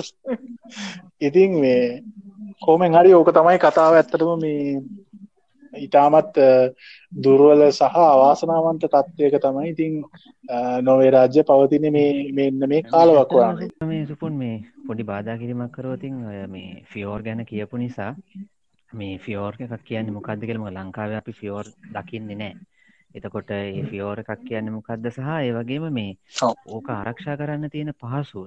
මංහිතන්නේ ඔය ඒ පරණ බලකොටු එහෙම ඔය තැන්වල පිහිටල තියෙනවා විශෂමක වැදගත් තැන්වල ඉතින් නොවේ රටේ හමුදාව මශාල හමුදාවක් නොවනට ඔය මේතර මේ වෙරල ආරක්ෂා කරන්න හුඟක් අමාරුනෑ මොකද හැමතැනකින්ම එන්න බෑ.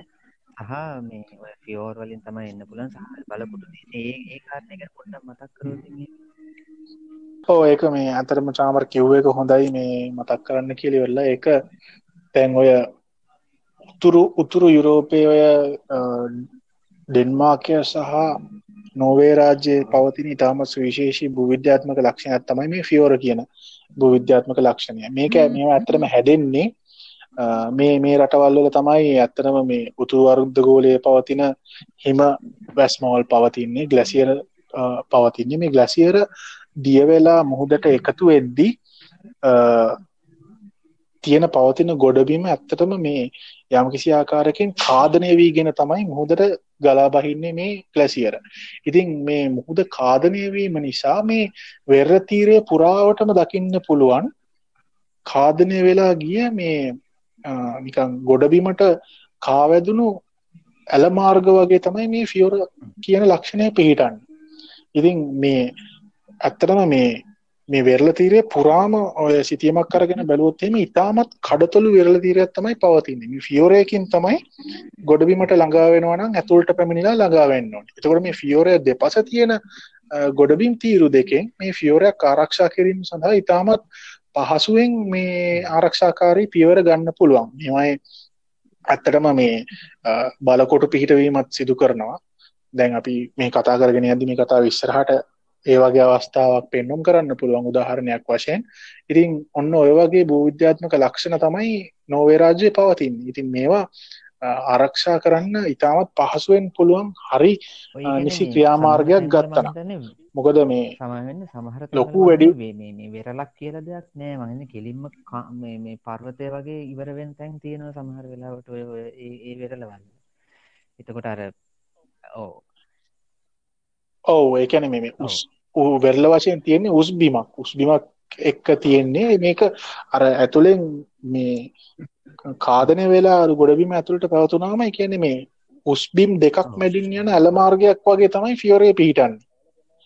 ඉති මේවා එතනම විශාල ප්‍රමාණය ෆියෝරමෙන් දැන් නොවේ රාජ්‍ය වගේ ගත්තම මේ ඔවුන්ගේ මත්ස්‍ය කර්මාන්තය ඉතාමත් ඉහලයන් හේතුව මේවා ඇතුළට ඇවිල්ලිවරලා මත්ස්‍යන් බෝවෙන ඉතාමත් ඉක්මනින් බෝවෙන හිද මේවා ඇත් ඇත්‍රම මේ තල්මස්සු පවා ගමන් කරන මේ මාර්ගවාවට පත්වෙලා තිය ඉති නෝක තමයි කතාව. දැන් දැන් තව පොඩි දෙයක් එකතු කරන්න ඕන ජර්මානු පාර්ශවයෙන්. දැන් සම්පූර්ණ ජර්මානු දෙවන් ලෝක යුද්ධේ ජර්මානු නාවික බලය ගත්තම ඉතාමත් සුවිශේෂී කාර්යභාරයක් ඉටු කරන ඔවුන්ගේ ප්‍රහරකවියත් තමයි යුබෝට් කියන්න. යුබෝට් කියන්නේ මොකක්ද කියලල්ලා අපි පලනි වැඩසටහන් තුළදිත් යම් කිසි සඳහනක් කරා. යුබෝට් කියන වචනය හැදෙන්නේ ජර්මානු භාෂාවෙන් අන්ටසිබෝට් කියන වචනෙන් ඒ කියන්නේ සබ්මැරින් එහම නැත්තං ජලය යටින් යාත් ගමන් කරන යාත්‍රාව කියන අර්ථයෙන් තමයි යෝබෝට් කියන නම හැදෙන්නේ. ඉතින් යෝබෝට් කියන අවිය දෙවන ලෝක සංග්‍රාමයේ ඉතාමත් සුවිශේෂී හැරවුම් ලක්ෂයක් කියලා කියන්න පුළුවන්. නමුත් මේ යෝබෝට් කියන අවිය මේ නෝවේජයානු සහ ඩෙන්මාක් ආක්‍රමණයේදී ජර්මානුවන්ට එතරම් පහසුවෙන් යොදා ගැනීම හැකියාවක් නැතිවෙනවා අන්න ඒක හින්ද තමයි ඔවුන්ගේ බෝල්ටික් සාගරය ඔවුන්ගේ නාවික බලය අඩුවෙන් හේතුව තමයි මේ යුබෝට් භාවිතා කිරීම හැකියාව නැතිවෙන මේ යුබෝට් භාවිතා කරන්න හැකියාව නැතිවෙන් හේතුව තමයි මේ යුබෝට්වල පවතින ප්‍රහරක උපක්‍රමය තමයි මේවල තියෙන ටෝපිඩෝ බෝම්බ ගමන් කරන්නේ චුම්භකර්තය හරමට කියන මැග්නෙටික් ඩෙටනේටිං ටෝපිඩෝස් කියලා. මේ චුම්භක ක්ෂේත්‍ර ඔස්සේ ගමන් කරන ටෝපිඩෝස් ටොපිඩෝ බෝම්බ මේ උතුරුවර්ධ ගෝලයේදී යම් කිසි ආකාරයක අකාර්යක්ෂම වෙනවා. ඒකට හේතුව තමයි උතුරු අර්ධ ගොලේ කියන්නේ උත්තර ද්‍රවයට ආසන්නේදී මේ චුම්භක ක්ෂේත්‍ර නිසියාකාරයෙන් ක්‍රියා කිරීමෙන් ක්‍රියා කිරීමෙන් වලකින ඒක හින්ද යූබෝට්ස් මේ උතුරු අර්ධ ගෝලයේදී උතුරු කෙලවරේදී අකාර්යක්ෂම අවියක් බවට පත්වන හින්දා මේවයින් මේ නෝවේ සහ ඩෙන්මාක ආක්‍රමණයේදී සිදු කළ කාර්යභාරය ඇත්තටම මේ නැති තරම් ඔවුන් ඔවුන් යොදාගත්තේ නැති තරම්. ඉතින් ඒකත් මන් සඳහන් කරේ ඒකත් ඉදිරියේ ඉතාමත් විශේෂ කාරණයක් වෙනවා. මේ යූබෝට් වලින් සිදු කළ කාර්යයන් වලට කතා කරන්න වෙනවා. ඉතින් ඕක තමයි ජර්මනයේ වෙන්නේ. දැන් කලින් කතා කරේ නෝවේජියනු සහ ඩෙන්මාර්ක් ආක්‍රමණය සඳහා බට කණ්ඩායම් පිටත් වුණ දිනයන් සහ උන්ගේ කාර්යභාරයන් ගැන තමයි ඔවුන්ට පැවරලා තිබ කාර්යභාරයන් ගැන තමයි මන් සඳහන් කරේ. දැන් මේ වෙද්දි ආක්‍රමණය පටන් අරන් තියෙන්නේ. පළමු ප්‍රහාරක රැල්ල ඩිවිෂන් තුනකින් යුත් හමුදාවක් මේ මේ ඩිවිෂන් ජර්මානු ඩිවිෂන් තුන ගැන සඳහන් කරොත් එහෙම මේ අතරම ජර්මානු හමුදාව අතරේ පිළිගැනීමක් නැහැ. මේ මේක තරම් මේ ශක්තිමත් හමුදාවක් විදිහට මෝන් මෝන් පිළිගන්නේ මොකද මේ යවන ඩිවිෂන් තුනේ එකම එක ඩිවිෂන් එකයි. තර්ඩ් මවුන්ටන් ඩිවිෂන් කියන එක තමයි ශක්තිමත් ඩිවිෂනයක් විදිහට ජර්මනු හමුදාව පිළිගන්නේ. අනිත් දෙක තරම් ප්‍රහාරක ශක්තියෙන් පරිපූර්ණ ඩිවිෂන් දෙකක් නෙවෙයි යවන්නේ. කියන්නේ දුර්වල දෙකක් සහ ඔවුන් සතුව පවතින හොඳම ඩිවිෂනයක් තමයි මේ පළමු ප්‍රහාරක රැල්ලෙදී යවන්නේ. එතකොට මේ මේ ආක්‍රමණයේදී ප්‍රවාහන ගුවන් යාන 500ක් බෝම්බ ප්‍රහාරක යාන 300ක් ෆයිටර් වර්ගයේ කියන්නේ ගුවනේ සටන් කරන ෆයිටර් වර්ගයේ ගුවන් යාන 100ක් පමණ සහභාගීවීමක් සිදු වෙනවා. එතකොට මේ සියලු බලගණවල ප්‍රමුඛතම සහ මුඛ්‍යම රාජකාරිය තමයි පරමාර්ථය තමයි ඩෙන්මාර්ක් සහ නෝර්වේජියානු ගුවන් ප්‍රහාරක බලය හැකි ඉක්මනින් අඩපණ කිරීම. මේ ප්‍රහාරක බලය අඩපණ කිරීම කරන්න හේතුව තමයි ජර්මානුවන් ජර්මානු පාර්ශයට සිදුවන අලාභහානි වෙන්න පුළුවන් එකම හැකියාව තියෙන්නේ ගුවන් නෝවේජයානු ගුවන් ප්‍රහරවලින් ඉතින් මේක හැකි ඉක්මනින්ම වලක්ව ගත්තොත් ඔවුන් ඔවුන්ගේ ආක්‍රමණය එතනින් පසු පහසු වෙනවා. පහසු වීමක් සිදුවෙනවා ඉතින් ඒක හින්ද තමයි මේ ගුවන් ප්‍රහාරක බලය අඩපණ කිරීම මොවුන්ගේ ප්‍රධාන රාජකාරී බට පත්වෙන්නේ අටවෙනිදා ඒ කියන්නේ අප්‍රේල් අටවෙනිදා බ්‍රිටිෂ් බ්‍රිතාන්යන්ට අයත් ඩිස්ට්‍රෝය වර්ගේ නෞකාවක් වන ගලෝවෝම් කියන නෞකාව ටොන්හයිම් වලදී හමුවෙනවා ජර්මානු ජර්මානුවන් විසින් යවන ආක්‍රම ආක්‍රමණික හමුදාවට. මේක ඉතාමත් සුළු සටකින් සටනකින් පසු ගලෝවෝම් කියන ඩිස්ට්‍රෝය වර්ගේ යාත්‍රාව යාත්‍රාව ගිල්වා දැමීමට සමත්වෙනවා ජර්මානුවන්. ඒවගේම සඳහන් කරන්න ඕනේ මේ වෙද්දි අර මීට කලින් යටත් වන පෝලන්තේ තිබුණු පෝලන්ත නාවික හමුදාව සතුව පවතිනු සබ්මැරීන් සහ තවත් ප්‍රහරක යාත්‍රා මේ වෙද්දි පවතින්නේ බ්‍රිතාන්යන් සතුව එකන බ්‍රිතාන්යන්ට ඔවුන්ගේ පක්ෂපාතිත්වය ලබාදීලිවර වෙලා මේ පෝලිෂ් පෝලන්ත නාවික යාත්‍රා බ්‍රිතාන්‍ය අන යටතේ පවතිනවා මෙන්න මේ වෙද්දි. ඉතින් මේ බ්‍රිතාන්‍ය අන යටතේ පවතින ඕෂෝ කියන සබ්මැරීනය ක්‍රිස්ටියන්සන් කියන ප්‍රදේශයේදී ජර්මානුවන්ට අයත් රියෝ ඩිජනයිරෝ කියන නෞකාව ගිල්වීමකට ලක් කරනවා මේ අටවනිදා. ට ඔබට පේනවා ඇති සම්පූර්ණ නාවික සටනක් දියත් නොවනත් එහෙන් මෙහෙන් කඩින් කඩ යම් යම් සටන් නැති වෙනවා. එහෙම මෙහෙන් හමුවන බ්‍රිතාන්‍ය සහ මිත්‍ර හමුදා පාර්ශවලට අයත් නාවික යාත්‍රාත් එක්ක.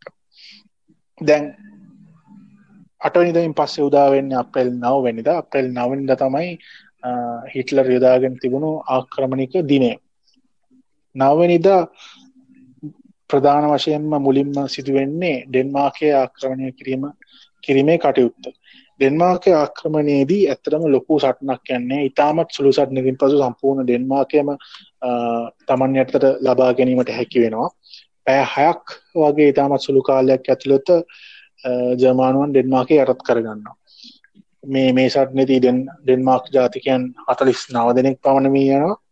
ජමානුවන් ජමානු පාර්ශවෙන් ඇතර මවුන්ට නැති වෙන්නේ විසි දෙනෙක් පමණයි. ඉතිං කොච්චර සුළු සටනක්ද සහ කාරක්ෂම ලෙස මේ කාර්ය ජමානන් සිදු කලා දෙයන්න මේ ඔබට වටහාගන්න පුළුවන්. ඊළඟට එළඹෙන්නේ නෝවේ රාජ්‍ය ආක්‍රමණය.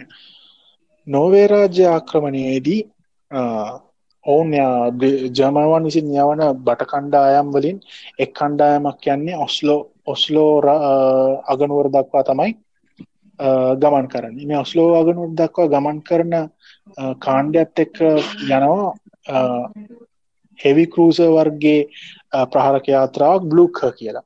මේ බ්ලුක්හ කියන යාත්‍රාව ඔස්ලෝ වරායට ඇතුල් වන ස්ථානයේ ස්ථානයේ පවතින ෆියෝරයකදී අර කලින් සඳහන් කරපු ෆියෝරයකදී ගිල් ගිල්වන් හැකි වෙනවා නෝවේජියනුවන්ට මේක සිදු කරන්නේ මේ මේ ඔස්ලෝ වරායට ඇතුල් වෙන ස්ථානයේ පවතින කුඩා දූපතක පවතිනවා බලකොටුවක් ඔස්කාබෝග් ෆෝට්‍රස් කියල මේ හඳුන්වන්නේ. ඔස්කාබර්ග් බලකොටුව සිට එල්ල කරන ප්‍රහාරවලින් තමයි මේ බ්ලොක්ක කියන නෞකාව ගිලෙන්නේ. මේ නෞකාව ගිලෙනවත් එක්කම සිදුවෙන සංසිද්ධිය තමයි ෆියෝරයක් ඇතුළේදී නෞකාව ගිල්ලන නිසා මේ ෆියෝරෙන් ගමන් කිරීම සම්පූර්ණයෙන් අවහිරවීමකට ලක් වෙනවා ගමනාගමන. තුර මේ අවහිර වුණාම ජර්මානුවන්ට එක් දිනක් පමණ පරක්කෝ කිරීමට සිදුවෙනවා ඔස්ලෝ ඔස්ලෝ ප්‍රදේශයට ඇතුල්වීම මොකද මේ ඔවුන් ඇතුල්ලන මාර්ගය තමයි මේ නෞකාව ගිල්ලීම නිසා අවහිරවෙන්නේ දැන් ඔස්ලෝවලට යවන බට කණ්ඩායම්බල ප්‍රධානාර මුණත් තමයි ෆෝනබූ කියන ගුවන් තොටපල යටත් කර ගැනීම. ෆෝනබූ ගුවන් තොටපල තියෙන්නේ ඔස් ඔස්ලෝ ආසන්නේමයි. ෆෝනබූ ගුවන් තොටපල යටත් කරගන්න ඔවුන් ඔවුන් ඔවුන් සැලසුම් සකස් කරගන්නේ ගුවන් මගින් එළමෙන පැරශුට් බටයන් සහ ගුවන් ප්‍රහාර මගින්. නමුත් මේ මේ දිනය වන විට කියන්නේ අපේ ලටවෙන්ද නවේදා වෙනකොට පවතින්න කාලගුණ තත්ත්වය හේතුවෙන් පැරශුට් වටයන් සහ අනෙක් ගොඩබිම් කණ්ඩායම් මේ ෆෝනෙබු ගුවන් තොටපලට ළඟාවීමට හැකිවෙන්නේ නෑ. එතකොට මේ හර්මන් ගෝරිං මේ අවස්ථා මේ සැලසුමේදී ඉතාමත් විශේෂයෙන් සඳහන් කරනවා යම් කිසි ආකාරයකින් ගොඩබින් බට කණ්ඩායම් සහ ගුවන් බට කණ්ඩායම් ෆෝනෙබූ කඳවුර වෙත ළඟාවීමට නොහැකි වුණොත් ෆෝනෙබූ යටත් කර ගැනීමේ ක්‍රියාවලිය ක්‍රියාවලින් පසු බසින්න කියලා තමයි ඇත්තරම අනදීලා තියෙන්නේ. නමුත් මේ ෆෝනෙබූ කඳවුරට කඳවුරට යන කැප්ටන් රිකාඩ් කියන රිකාඩ් කියන කැප්ටන්වරයාගේ බට කණ්ඩායමේ ආරක්ෂාවට යන මැශස්මිත් BF එකසිය දහය වර්ගේ ගුවන්්‍යා දෙකක් යනවා. ලුතිනන් වර්න් හැන්සන් වර්න හැන්සන් කියන ලුතිනන්වරයාගේ අනින්. එතකොට මේ ලුතිනන් වර්න හැන්සන් කරන්නේ මේ මෙහෙවම අඩාල වුණත් ඔහු සහ ඔහුගේ ගුවන්සාගේයා ෆෝනෙබූ ගුවන් තොටපොළ වෙත ළඟා වෙලා ඔවුන්ගේ ගුවන්යාන ඒ මත ගොඩ බැහැලා මේ ගුවන්යානා යොදාගන්නවා මැසින් ගන්න විදිටව කියන මැසින් තුවක් විදිට යොදාගෙන ඔවුන් මේ ගුවන් තොටපොළ වටේ තියෙන සියලු නෝවේජියානු ආරක්ෂක උපක්‍රමවලට පහරදීල ඉවරලා ෆෝනෙබූ ගුවන් තොටපොළ යටත් කරගන්න මුන් දෙදෙනට හැකි වෙනවා. මේක ඉතාමත් සුවිශේෂී සිද්ධියක්. මේ මොකද යම් කිසි අනක් නොතකා ඔවුන් කටයුතු කරලිවර වෙලා ඔවුන් යම් කිසි ජයග්‍රහණයක් ලබනවා. ති ඒක මේ නොවජයනු මේ සම්පූර්ණ යුද්ධයේදී ඉතාමත් සවිශේෂී කරුණක් විදිර සඳහන් කරන්න පුළුවන්. දැන් මං අර මුලින් සඳහන් කරා නොවේජයානු සැලැස්මේ පවතින ඉතාමත් මූලෝපවායික වශයෙන් වැදගත් ස්ථාන. මේ නවවැනිද ආක්‍රමණයේදී සැවෙන්ජ කියන ප්‍රදේශය ඉතාමත් පහසුවෙන් ඔවුන් ජර්මානුවන් යටත් කරගන්න බර්ගෙන් ට්‍රොන්හයිම් කියන ප්‍රදේශ පහසුවෙන් යටත් කරගන්න. ක්‍රිස්ටියන්සන් කියන ප්‍රදේශයට ඔවුන් ඔවුන් අපේක්ෂා කළ කාලට වඩා ටිකක් පරක් වෙලා තමයි ඔවුන්ට යටත් කරගන්න හම්බෙන්නේ. මොකද මීදුම හින්ද මේ ප්‍රදේශය වැහිලා තියෙනවා. ඔස්ලෝ සහ නාවික් කියන ප්‍රදේශ පහසුවෙන් යටත් කර ගැනීම සිදුවෙනවා. ඉතිං මේ සම්පූර්ණ නෝවජයනු ආක්‍රමණය මුල් ආක්‍රමණය ඉතාමත් පහසුවෙන් සිදු කර ගැනීමට හිටලර්ට හැකි වෙනවා. දැන් මෙතන මේ මේ මුල් ආක්‍රමණයේදී ඉතාමත් සුවිශේෂී කාරණයක් තමයි සඳහන් කරන්න ඕනේ. මේ ආක්‍රමණය සිදු අවස්ථාවම සම්පූර්ණ නෝවේජයානු හමුදාවම අඩපනවීමක් සිදුවෙනවා. එකැනෙ හමුදාව යම් කිසි ආකාරයකින් රට මධ්‍යයට පසුබැස්සත් ඔවුන්ගේ තියෙන ආයුධ සහ ඔවුන්ගේ ප්‍රහාරක බලය ඔවුන්ගේ කාල්ටුවක් ඔවුන්ගේ ගුවන් පත්ල සියල්ලම ජර්මානුවන් අතර අතට පත්වෙනවා ඉතින් මේ හේතුවෙන් යම් කිසි ආකාරයකින් ප්‍රතිරෝධයක් ගොඩ නැකීමේ විශාල ප්‍රතිරෝධයක් ගොඩ නැගීමේ හැකියාව පසු අවස්ථාවකදී ප්‍රතිරෝධයක් ගොඩ නැගීමේ අවස්ථාව නොවේජියනොන්ට අහිවීමක් සිදුවෙනවා මේ ප්‍රධාන පළමු ප්‍රහාරයක් සමඟ නවනිද අවසාන වෙද්දි සියලු වරායන් සහ මර්මස්ථාන ජර්මනුවන් අතට අතට පත්වෙලා ඉවරයි. මේ නෝවේජයනු ප්‍රහාරයක් සමගම ප්‍රංශයට සහ බ්‍රතාන්යට ඉතාමත් දැඩි ලෙස මේක එල්ල කරපු කනේ පහරක් බවට පත්වෙනවා මේ ආක්‍රමණය. ඔවුන් නවවැනිදා එකැන අපෙල් නවවැනිදම එවකට හිටපු ප්‍රංශ අගමැති පෝල් රේනොස් සහ විදේශ කටයුතු ඇමති එඩුවා ඩලඩිය කියන දෙදෙනා ගමන් කරනවා බ්‍රතාන්‍ය වෙතට. ගමන් කරලිවරලා ඔවුන් සඳහන් කරනවා බ්‍රතාන්‍යත් සමඟ ඒකාබද්ධ ප්‍රකාශයක් කරනවා. මේ නෝවේ ආක්‍රමණය සම්බන්ධයෙන් ඔවුන් දැඩි ප්‍රතිපත්තියක් කොනුගමනය කරවෙන් ප්‍රතිප්‍රහාර එල්ල කරනවා කියලා ප්‍රකාශයක් සිදු කරන ඔවුන් මේක කොතරම් දුරට සාර්ථක වෙනවාද කියන එක ලොකු ප්‍රශ්නය චාමරය ගැන මොක්හරි කියන්න තියෙනවාද? දේශපාලනික කාරණ සම්බන්ධය දැනගන්නත් ඕ නිසා ඒවගේම දලදිය ගැන කියපු නිසා මහිතන්න මංහර කලින් කිවන ප්‍රංශය මේ නායකයෝ දෙවිදියක් හිටිය කියලා එක කට්ටයක් පසුගාමී සහ අනික් කට්ටිය මේ ඇත්තටම මේ යම් කිසි තද එකැන පිළිවරක් ගත යුතුයි ජර්මණය නවත්තන්න වගේ ස්ථාවරක හිටිය.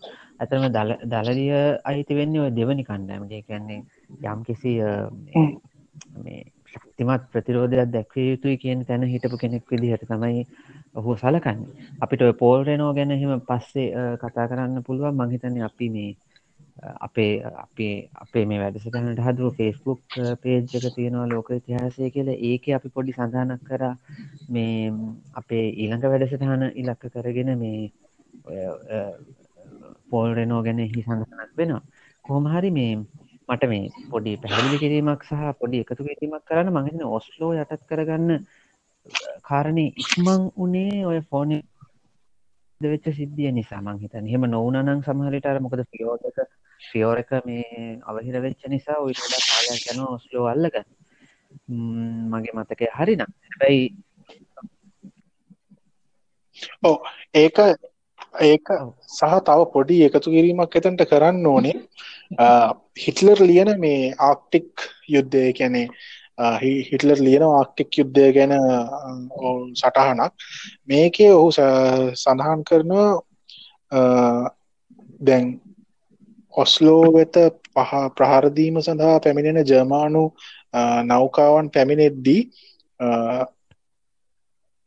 දැඩි මීදුමක් පැවතුනා කියල තමයි සඳහන් කරන්න. ඔහු දැන් මේ දැඩි මීදුම අතරින් නෝවේෂයන්වන්ට මේ කවුද කියලිවරලා හඳුනාගන්න බැරිවුනා කියලිවරලා ඔහු සඳහන් කරනවා.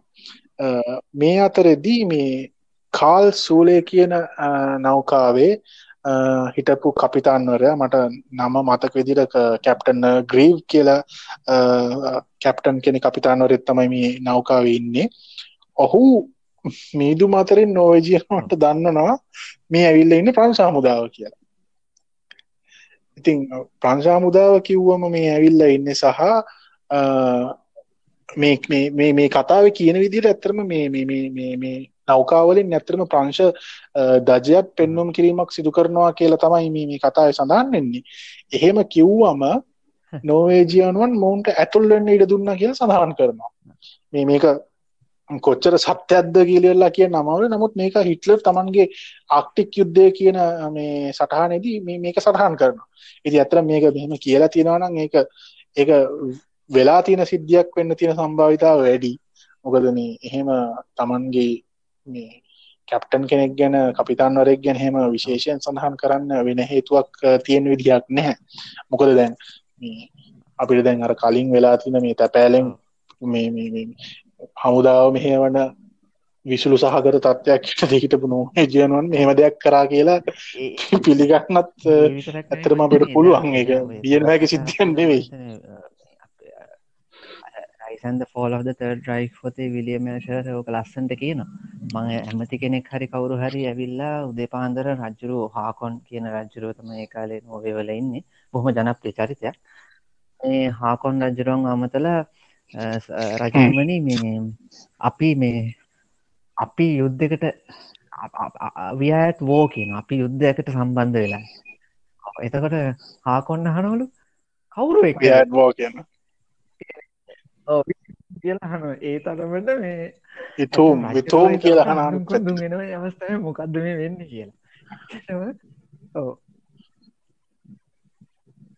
නෑ දැත්ලම මේ ජනුවන්න මේකෙදී හාසයට මේ ලක් කරන අතරේ මේ ඇතරම ඔවුන්ගේ මේ මානසිකත්වය ගැනත් යම් කිසි සඳහනක් කරන්න ඕන. මොකද නැත්තන් ඒක ඔවුන්ට සිදු කරන සාධාරණයක් වෙන්න පුළුවන්. ඇතරම ඔවුන් මේ ඉතාමත් සාමගාමී ජනකොට්ටාශයක් තමයි මේ ඔය ඔය නෝවිජයනුවන් කියන්නේ.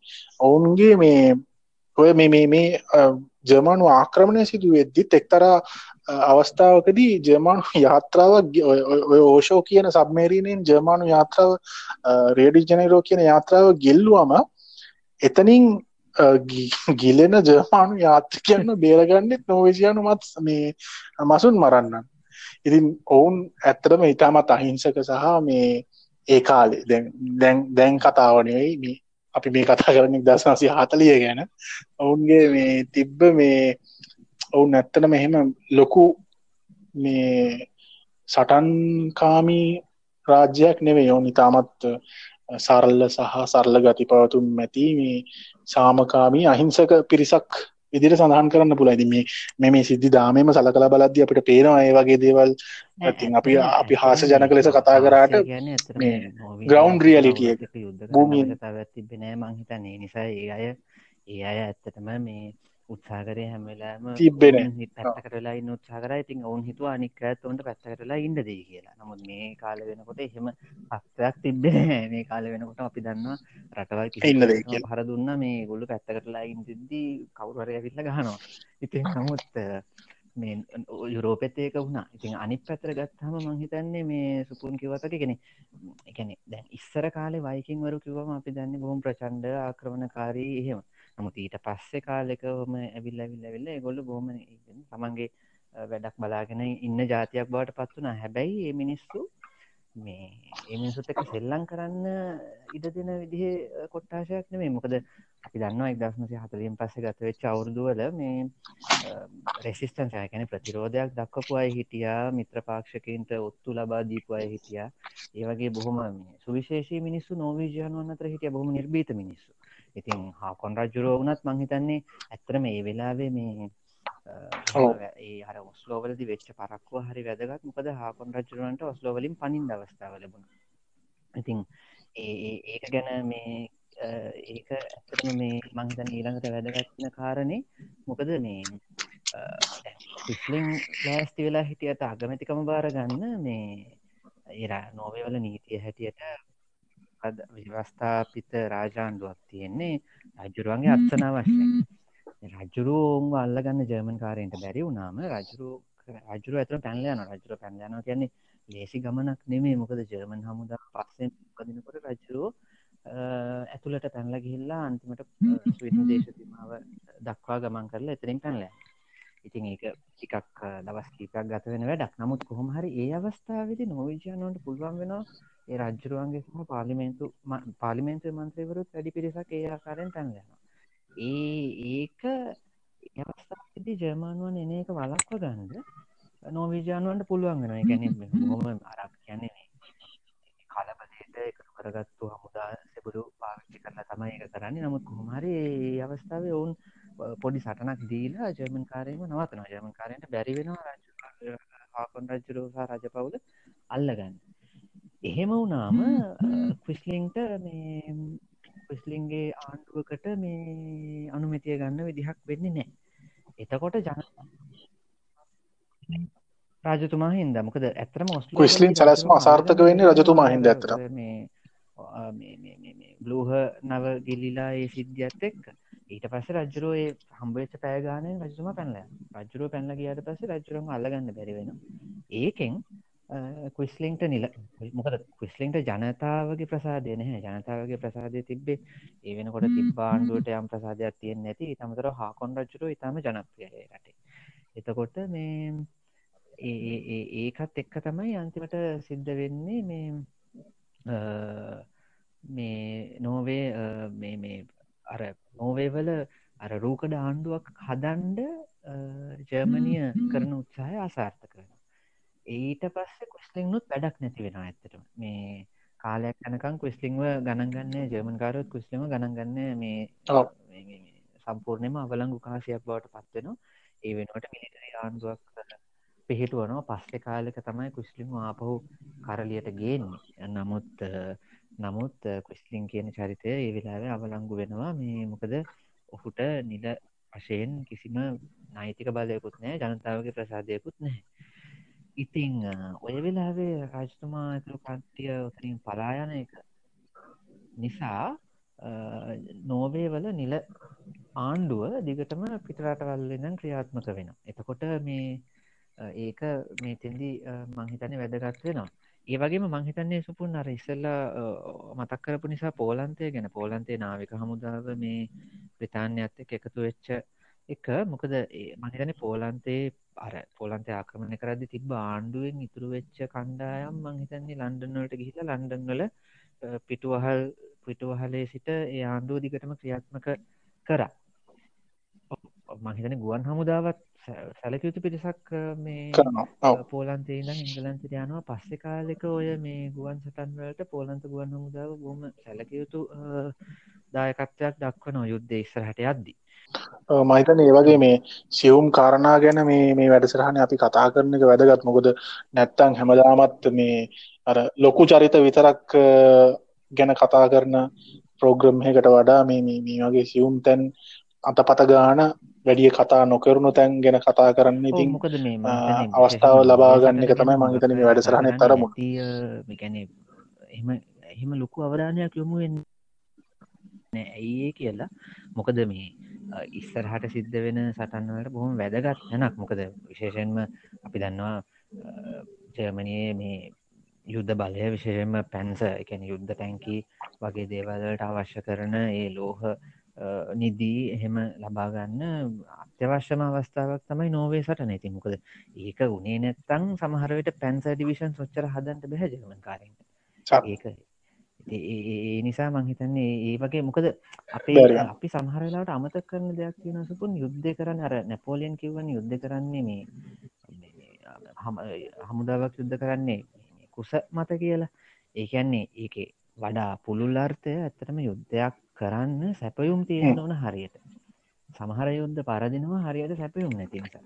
ඉතිං ඒ වගේ දැ සැපියුම් නැති කතාහ කිවම මේ ඇතර මේ දැන් දැම මේකින් මේ කමන්න ෑනේ මම් බාධ කරජාවන ඔව දැන් මේ මෙච්චරලා කියාගෙනපු මේ නොවේ ආක්‍රමණය දැන් සිදුවලා ඉවරණ මීට පස්සේ ඇත්තරම මේ මීට පස්සේ තමයි නොවේ රාජ්‍ය සඳහා මේ දරුණු සටන් ඇවිලෙන්නේ මිත්‍ර හමුදා පාර්ශවයන් එක්ක මේ ජර්මණය මේක වෙන්නේ මේ නාවික් සටන් දිත්වේදි තමයි මේක වෙන්න. පළමුසා දෙවැනි නාවික් සටන් වලදී. මං ඒ දෙකත් කියලම මං චාමරට දෙන්නම්. එතකොට මිය මංහිතන එතකොට වඩාත් පහසුයි. දැන් අප්‍රේල් දහවනි දැල්ලබෙන අප්‍රේල් දහවනි තම තමයි පළවෙනි නාවික් සටන සිදුවෙන්නේ මේකෙදී බ්‍රතාන්‍ය කපිතාන් කපිතාන් වෝබටන් ලී කියන කපිතාන්නරයා ඩිස්ට්‍රෝය වර්ගේ නෞකා පහක් සමග නාවික් බලා ගමන් කරනවා ජර්මානුවන්ට පහරතීමට ජර්මානුවන් සතුව මේ අවස්ථාවදි නාවික් වල තියෙනවා ඩිස්ට්‍රෝය වර්ගේ නෞකා දහයක්. මේ සටනේදී දෙපැත්තෙම දෙපාර්ශවයෙන්ම යාත්‍රා දෙක ගාන එවුන්ට අහිමි වෙනවා. සහ කැප්ටන් වෝබටන් ලී මියනවා මේ සට්නෙදී ඔහුගේ ජීවිතයත් අහිමෙනවා මේ සට්නෙදී ඉතින් මේ සටන ඇත්තරම ජර්මානුවන් යම් කිසි ආකාරයකින් ජයග්‍රහණයක් කරනවා. නමුත් අප්‍රේල් දහතුන් වනිද වෙද්දි දෙවැනි නාවික් සටන ඇරබෙනවා දෙවැනි නාවික් සටනෙදී ඉතාමත් දැඩි ප්‍රහාරක බලයක් සහිත ඩිස්ටෝය වර්ගේ නෞකා සහ බැටල් ශිප් වර්ගේ නෞකා නවයක් ගමන් කරනවා. බ්‍රිතාන්‍ය නෞකා නවයක් ගමන් කරනවා නාවික් වෙත. මොවුන් සම්පූර්ණයෙන්ම ඉතිරි වෙලා තියෙන නාවික්වල ඉතිර පවතින ඩිස්ට්‍රෝය වර්ගේ නෞකා අටට දැඩි ප්‍රහාරයක් කෙල්ල කරවෙල්ලා ඒ අටෙන් විශාල ප්‍රමාණයක් සම්පූර්ණයෙන් විනාශ කරලා ඉතුරු ප්‍රමා ඉතුරු ඉතිරි නෞකාටික අඩපන කිරීමට ඔවුන් සමත් වෙනවා. දැන් නාවික් සටන කියන්නේ ඇත්තරම මේ නාවික සටනක්. මේක සිදුවෙන්නේ මුහුදේ. එකැන නෞකා සහ ජලජ ප්‍රහාරක යාත්‍රා එක සිදුවන කතාවක් නෙවේ නාවික් සටන් දෙක.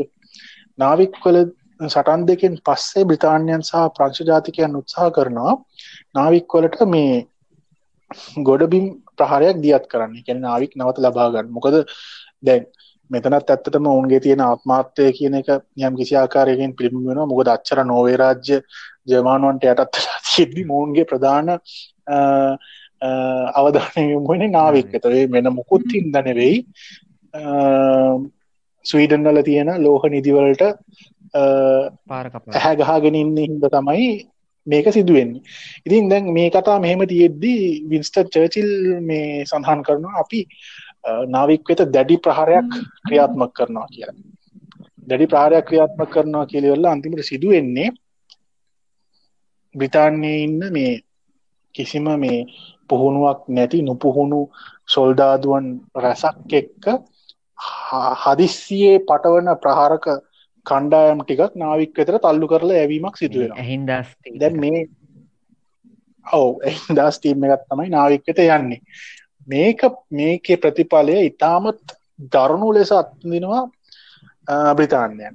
හේතුව තමයි මේ ඉතාමත් නොසලකිලිමත් ලෙස එකතු කරගෙන යවන මේ කණ්ඩායමට කිසිම සැපයුමක් නිසියාකාරයෙන් නොවුන් යවන්න එකන්නේ කාලතුවක්කු බරාවි ප්‍රහාරක ප්‍රහාර සඳහා අවශ්‍ය දේවල් අඩුතර මේ පතුරම් සැපයුම්මත් නිසියාකාරෙන් යවන්න කොච්චර නොසලකිලිමත් ලෙස මේ කණ්ඩාම යවනෝද කියනවා නම් බ්‍රතාන්යන් විසින් යවන කණ්ඩායමට අවශ්‍ය. දැ මේ නාවික් කල සිදුවන ගොඩමින් සටන සිදුවෙන්නේ හිම මතන මේ හිම මත සිදුවෙන සටන්වලදී මොවුන්ට ගමන් කිරීම සඳ අපි ඉංග්‍රිසි භාෂාවෙන් කියනවා මේ ස්කීස් කියලා. ගැන සපත්තුවලට සවි කරන මේ ස්කීසේගෙන් හිම මත ගමන් කිරීමට ඔව් පහසු වෙන කණ්ඩහම නාවික් වෙත යව්වට මේ ස්කීස්තික අමතක් කරලයනවා බ්‍රතාන්නේ ඉතින් ඉතින් මේ මේ වගේ නොසලිකිරීමත් තත්ත්වයක් තමයි තියෙන ඉතින් මම ඒ කතාව එතනට ආවේ. චාමර් කියනවා මේ යුද්ධයක් දිනනනම් සැපයුම් කියන එක ඉතාමත් වැදගත් කියලා. මේ මෙන්න මේ නොසැලකිලිමත් සැපයුම් හින්දා නාවික් සටන දැඩි පරාජයකට පත්වෙනවා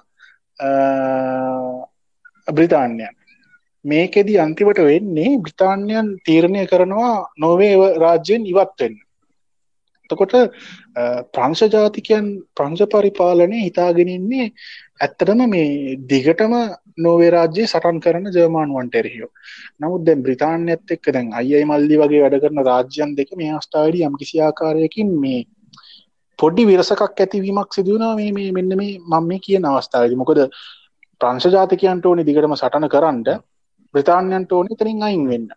ඉතින් පෝල් රේනා ගිල් ඉවර වෙලා මේක බ්‍රතාන්යන් එක කතා කර ලිවර වෙලා ඔහු ඇවිත් නැවතත් පංශයට ඇවිත් සඳහන් කරනවා අපි බ්‍රතාන්යන් සමඟ සාකච්ඡා කරලා බ්‍රතාන් ජාතිකයන්න පොළඹෝ ගත්තා කියලා මේ සටන දිගටම කරගෙන යන්න. නමුත් මේක කියල පෑ දෙකක් යන්න කලින් බ්‍රතාන් තමන්ගේ හමුදාවන් ආපසු කැඳවීම සිදු කරනවා. ඉතිං ඕක තමයි අන්තිමේදී මේ සම්පූර්ණ මේ නොවේ ආක්‍රමණයේ අවසන් ප්‍රතිඵලය බවට පත්වෙන සම්පූර්ණයෙන්ම නොවේ රාජ්‍ය ජර්මනුවන් අතර පත්වීම තවත් එක් සුවිශේෂී කාරණයක්මන් සඳහන් කරන්න ඕනේ. දැන් ගොඩබීම් සටන් ගුවන් සටන් නාවික සටන් අතර යන තවත් කතා නොකරන සටන් අංගයක් තමයි මේ බුද්ධි සටන. බුද්ධි සටන කියන්නේ බුද්ධිමය බුද්ධි තොරතුරු සම්බන්ධෙන් යන සටන. මොන පාර්ශවේද බුද්ධි තොරතුරු සඳහා තියෙන ඇක්සෙසිබිලිට එක? කියන්නේ බුද්ධතොතුර ලබාගැනීමට මොන පාර්ශවේද ඉක්මනින්ම සමත්වෙන්නේ උන්ට තමයි ජාග්‍රහණය යන්න. මේ බ්‍රතාන්යන් සහ ප්‍රංශ ජාතිකයන් මේ නොවේ සටනෙදී සිදු කරන බුද්ධි සටනෙදී එක්තරා අවස්ථාවක ඉතාමත් සුවිශේෂී ජයග්‍රහණයක් ලබනවා. ඒ තමයි ජර්මානුවන් සතුව පවතින කියන්නේ රහස් කේත පණවිඩ ක්‍රමයක් තමයි ඒකට නමදීලා තිබ්බේ එනිග්මා කෝඩ් කියලා. මහිතට නාම රහලා ඇති එනිග්ම කෝඩ් එක ගැන. එනිම් එනිග්ම කෝඩ් එක හෙන මනත්තන් එනිග්ම කේතය කියන එක විකේත් කිරීමට බ්‍රතාන්යන් සමත් වෙනවා. නමුත් මේ ජයග්‍රහණය සත පහකට වැඩක් වෙන්න හේතුව තමයි එනිග්ම කෝඩ් එක එනිග්ම කේතය විකේත කරණය කරාට මේ ලැබෙන තොරතුරු එකක්පත් ප්‍රයෝජනයට ගැනීමට බ්‍රතාන්යන් අසමත් වෙනවා. හේතුව තමයි බ්‍රතාන්‍ය ජනරල්වරුන් හමුදා ප්‍රධානින් අතර තිබ්බ විරසක කට්ටියක් සටන් කරමු කියනවා කට්ටියක් සටන් කරන්න බෑ කියනවා. මේ ඇතර මේ නාවික් ලබා ගැනීම සඳහා බ්‍රතාන්‍ය විවිධ ජෙනරල්වරු විසින් සැලසුම් දහයක් පමණ ඉදිරිපත් කරනවා. එනිග්මා කේතය විකේත කරණය කරාට ඉන් ලැබෙන වාසිය අත්පත් කර ගැනීමට බ්‍රතාන්යන්ට අවස්ථාව ලැබෙන්න ඒකට හේතුව තමයි මේ බ්‍රතාන්‍ය මේ ජෙනරල් වරුන් සහ හමුදා ප්‍රධානින් අතර තිබ්බ විරසක සහ නිසි අපි කියනවා මේ ඩිසිපලින් එකක්. එකන ඩිසිපලින්න කියන මොවන් මේ එක්කෙනාට විනයක් නැතුව කටයුතු කිරීම. සහ චර්චිල් විසින් කරන්නම් සම බාධකරට මේ ඔය කේතය විකේතනය කිරීම වටා චිත්‍රපටයක් නිර්මාණය වුණා. ද ලිමිටේෂන් ගේම් කියල චිත්‍රපටයක් දස්ථා හතර වර්ෂය නිර්මාණය වුණා මේ. බැහන කට්ටියකින් ඉතන එකත් බලන්න කියල මේ. හරි අපපුරු චිත්‍රපටියක්. හරි කතා කරන පොම ස්තුතියි එක කිවට මොකද මත් ඇත්තරම දැනගෙන තියෙන මත් බලන්න ඕන එක මේ හරි. ඕ ඉතින් මේ මේ හමුදා ප්‍රදගන අතර තිබ විරසක සහ ඔවුන්ට විනයක් නැතිවීම තමයි හේතු අනික්කාරණය තමයි චර්චිල් විසින් මේ අවස්ථාවේදී පත් කරන පත්වීම් අතර තියෙන නොගෙලපෙන ස්වභාවය. මේකට හේතුව තමයි හමුදා ප්‍රධානීත්වය අතින්. කියන අපි අර සීනියෝරිටි කියන ජේෂ්ඨත්වය අතින් උඩින් ඉන්න එක්කෙනා වෙනුවට චර්චිල් විසින් අර ඔවුන්ගේ තියෙන මේ රාකැන ප්‍රභූත්වය මත යම් යම් පත්කිරීම් සිදු කිරීමක් චර්චල් සිදු කරනවා. මෙහි ප්‍රතිඵලය තමයි දැන් තමන්ට වඩා අඩු ජේෂ්ඨත්වයකින් යුත් පුද්ගලයෙක් වුණාට අර ප්‍රභූත්වය අතින් ඉහල තානාන්තරයක් තිබ පුද්ගලයක පත් වනා මේ ජේෂ්ඨයන් අධිමදි කරනවා මේ මොවුන් ගන්න තීරණවලට ප්‍රතීරණ ප්‍රශ්න කරන්න සහ අභියෝග කරන්න. ඉතින් මෙන්න මේ වගේ ගැටලු ගොඩක් හින්ද බ්‍රතාන්‍ය හමුදාව ඉන්නේ ඇත්තරම මේ ඉතාමත් අපි කියන්නේ බ්‍රිටිෂ් ආරෝසින මෙස් ඔවුන් ඉන්න ලොකු අවුලක අවුලක ඉතින් ඒකේ ප්‍රතිඵලය තමයි නාවික්වල දියවුන් ඔවුන් ඔවුන් ඇත්තරම දරුණු පරාජයක් අත් කරගන්න. ඔවුන් ඔවුන් බුද්ධි තොරතුරු සටනත් පරාජය වෙනවා ඔවුන් ගොඩබිම් සටනත් පරාජය වෙනවා. ඔවුන් ජයග්‍රහණය කරන්නේ නාවික සටන පමණයි. ඉතින් ඕක තමයි අන්තිමේදී වෙන්න. අන්තිමේදී නොවේ රාජ්‍යෙන් ඔවුන් හමුදාව නැවත කැදවන නොවේජියනුවන් තනවීම සිදුවෙනවා. ප්‍රංශ ජාතිකයන් නැවතත් යනවා ඔවුන් සුපුන් කාරණා දෙකක් මේ සුපුන් නෝකව මට කාරණ දෙකක් මතක් වුණ. එකක් නිකන් විහිලු කතාව කර බ්‍රිටිශ්ව ඉන්න මෙස් කිව්වම දැන්ව සාර මෙස්ස එක තියෙනවානේ. දැන් කවුරු හරි එහෙම අර්ථයෙන් ගත්තේ ඉංග්‍රිසි දන්නතු අනි කොහොම හමුදාවල් ඉන්න මෙස්ස ගෙන කියලාගේ කියන්න ඉට තියෙනවා. ඉතින් මේ ඉතින් මොක වරද්ද කියලා. අනෙක මේ අතරම අනිකත මේ චර්චය ගැන කතා කරපු නිසා ඇතරම මේ අපිට තිය අපි දැන් චර්චය කියන්නේ හෙන් හරි යුද්ධ විරුවෙක් යුද්ධවිරුවක් කියන්නේ දේශපාලනායකත්වය දීපු ඒ වීරයෙක්ගේ තත්ත්වයටනේ අපි අහන්නේ. නමුත් ඇතරම එතන ඒකේ එයා තියෙන අඩු පාඩු සහ චර්චිල් සමහර දේවල් නිසා වෙච්ච සමහර ව්‍යසන මේ මේ සම්බන්ධින් ඇතනම කතා වෙන්නම නැති තරම් මොකද මේ අර ජයග්‍රාහකයා විසින් ඉතිහාසය ලියනවන. දැන් චර්චිල්ගෙම නමින් තියෙනවනේ. කවුරු ලිව්වුන චර්චයගේ නමින් තියෙනවනේ ලෝක යුද්ධ ගැන වෙලුම් හයක පොතක්. ඉතින් එහෙම උනාම ඒකට නොබෙල් සාහිත්‍ය සම්මානයක් හම්බ වෙනවනි. ඉතින් ඒ වගේ කාරණත් එක්ක චර්චිල්ව අර පුම්බලා තියෙනවා. සමහර වෙලාවට වෙන චරිත පල්ලෙහාට දාලා තියෙනවා. නමුත් ඇත්තටම කතාව ගත්තොත් මේ ඇත්තටම ඊට වඩා චරිත ඉන්නවා කියලා කියන්න පුළුවන්. ඒ වගේම මම හිතන්නේ මම හිතන්නේ ඕක ඕක බාධා කිරීමත් සමර ඕක වෙන්න හේතුව තමයි මේ මේ මේ පසුකාලීන රචකයෝ සහ විශේෂයෙන් ලංකාවේ මේවා ගැන රචනා කරන අය ලබා දෙන්න අදහස තමයි චර්චිල් කියන්නේ රෙඩිමේඩ් යුද්ධ නායකයෙක් කියන එක. එක වැරදි චර්චිල් කියන්නේ එහෙම මේ අමුතු අත්දැකීම් එක්කාපු යුද්ධනායකයෙක් නෙවෙයි. දෙවන ලෝක යුද්ධ සමයේ බ්‍රිතාන්‍යයන් ජයග්‍රහණය කරා ගෙන යන චර්චිල් කියන චරිතය බිහිවෙන්නෙත් දෙවන් ලෝක යුද්ධ සමේදීම තමයි. ඒගැන මේ මේ මේ සටන පටන්ගත්තට පස්සේ තමයි චර්චිල් කියන කැරක්ටර එක චර්චිල් කියන මේ චරිතය අර යුද්ධාත්දැකීම් එක සුපෝෂණය වීම සිදුවෙන්නේ මේ කාලය අතුරතුරදීම තමයි. නැතුව ඊට කලින් මේ චර්චිල් කියන චරිතයක් හැදිල මෙතැන්ටාව කියන එක මංහිතන්නේ වැරදි අදහසක් යන එකක්. ඕ ඇතරමයි මට ඕක මං දැන් අපි බාබරෝසා මෙහෙම ගැන නැගිට සෝවිද් දේශය ගැන කතා කරන්නකොට ස්ටාලින් ගැන කතා කරදදි මං ඔය කතාවාය මතක් කරන්න ඕන. මොකද මට පෞද්ගලිකවත් ලැබිච්ච අත්දැකීමක් ඔය මේ ඒක ම මතක් කරද්දි ඔය ඔය ඔය කාරණය ආය මතක් කරන්න ඕන මේ චර්චිල් සහ ස්ටාලින් ගැන.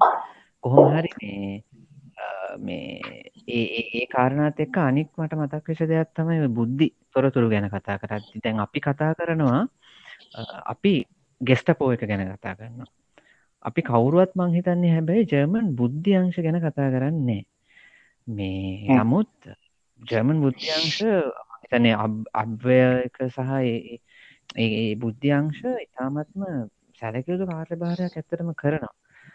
වෙලා තියෙන්නේ දැන් ඒ ගැන කවුරුවක් කතා කරන්නේ නැති නිසා විශේෂෙන්ම ඔය ජයග්‍රාහි පාර්ශවල බුද්ධ්‍යංශවල හැකියාවන් සහ දක්ෂතාවයන් ගැන තමයි අපිට වැඩිපුර අහන්න ලැබෙන්නේ.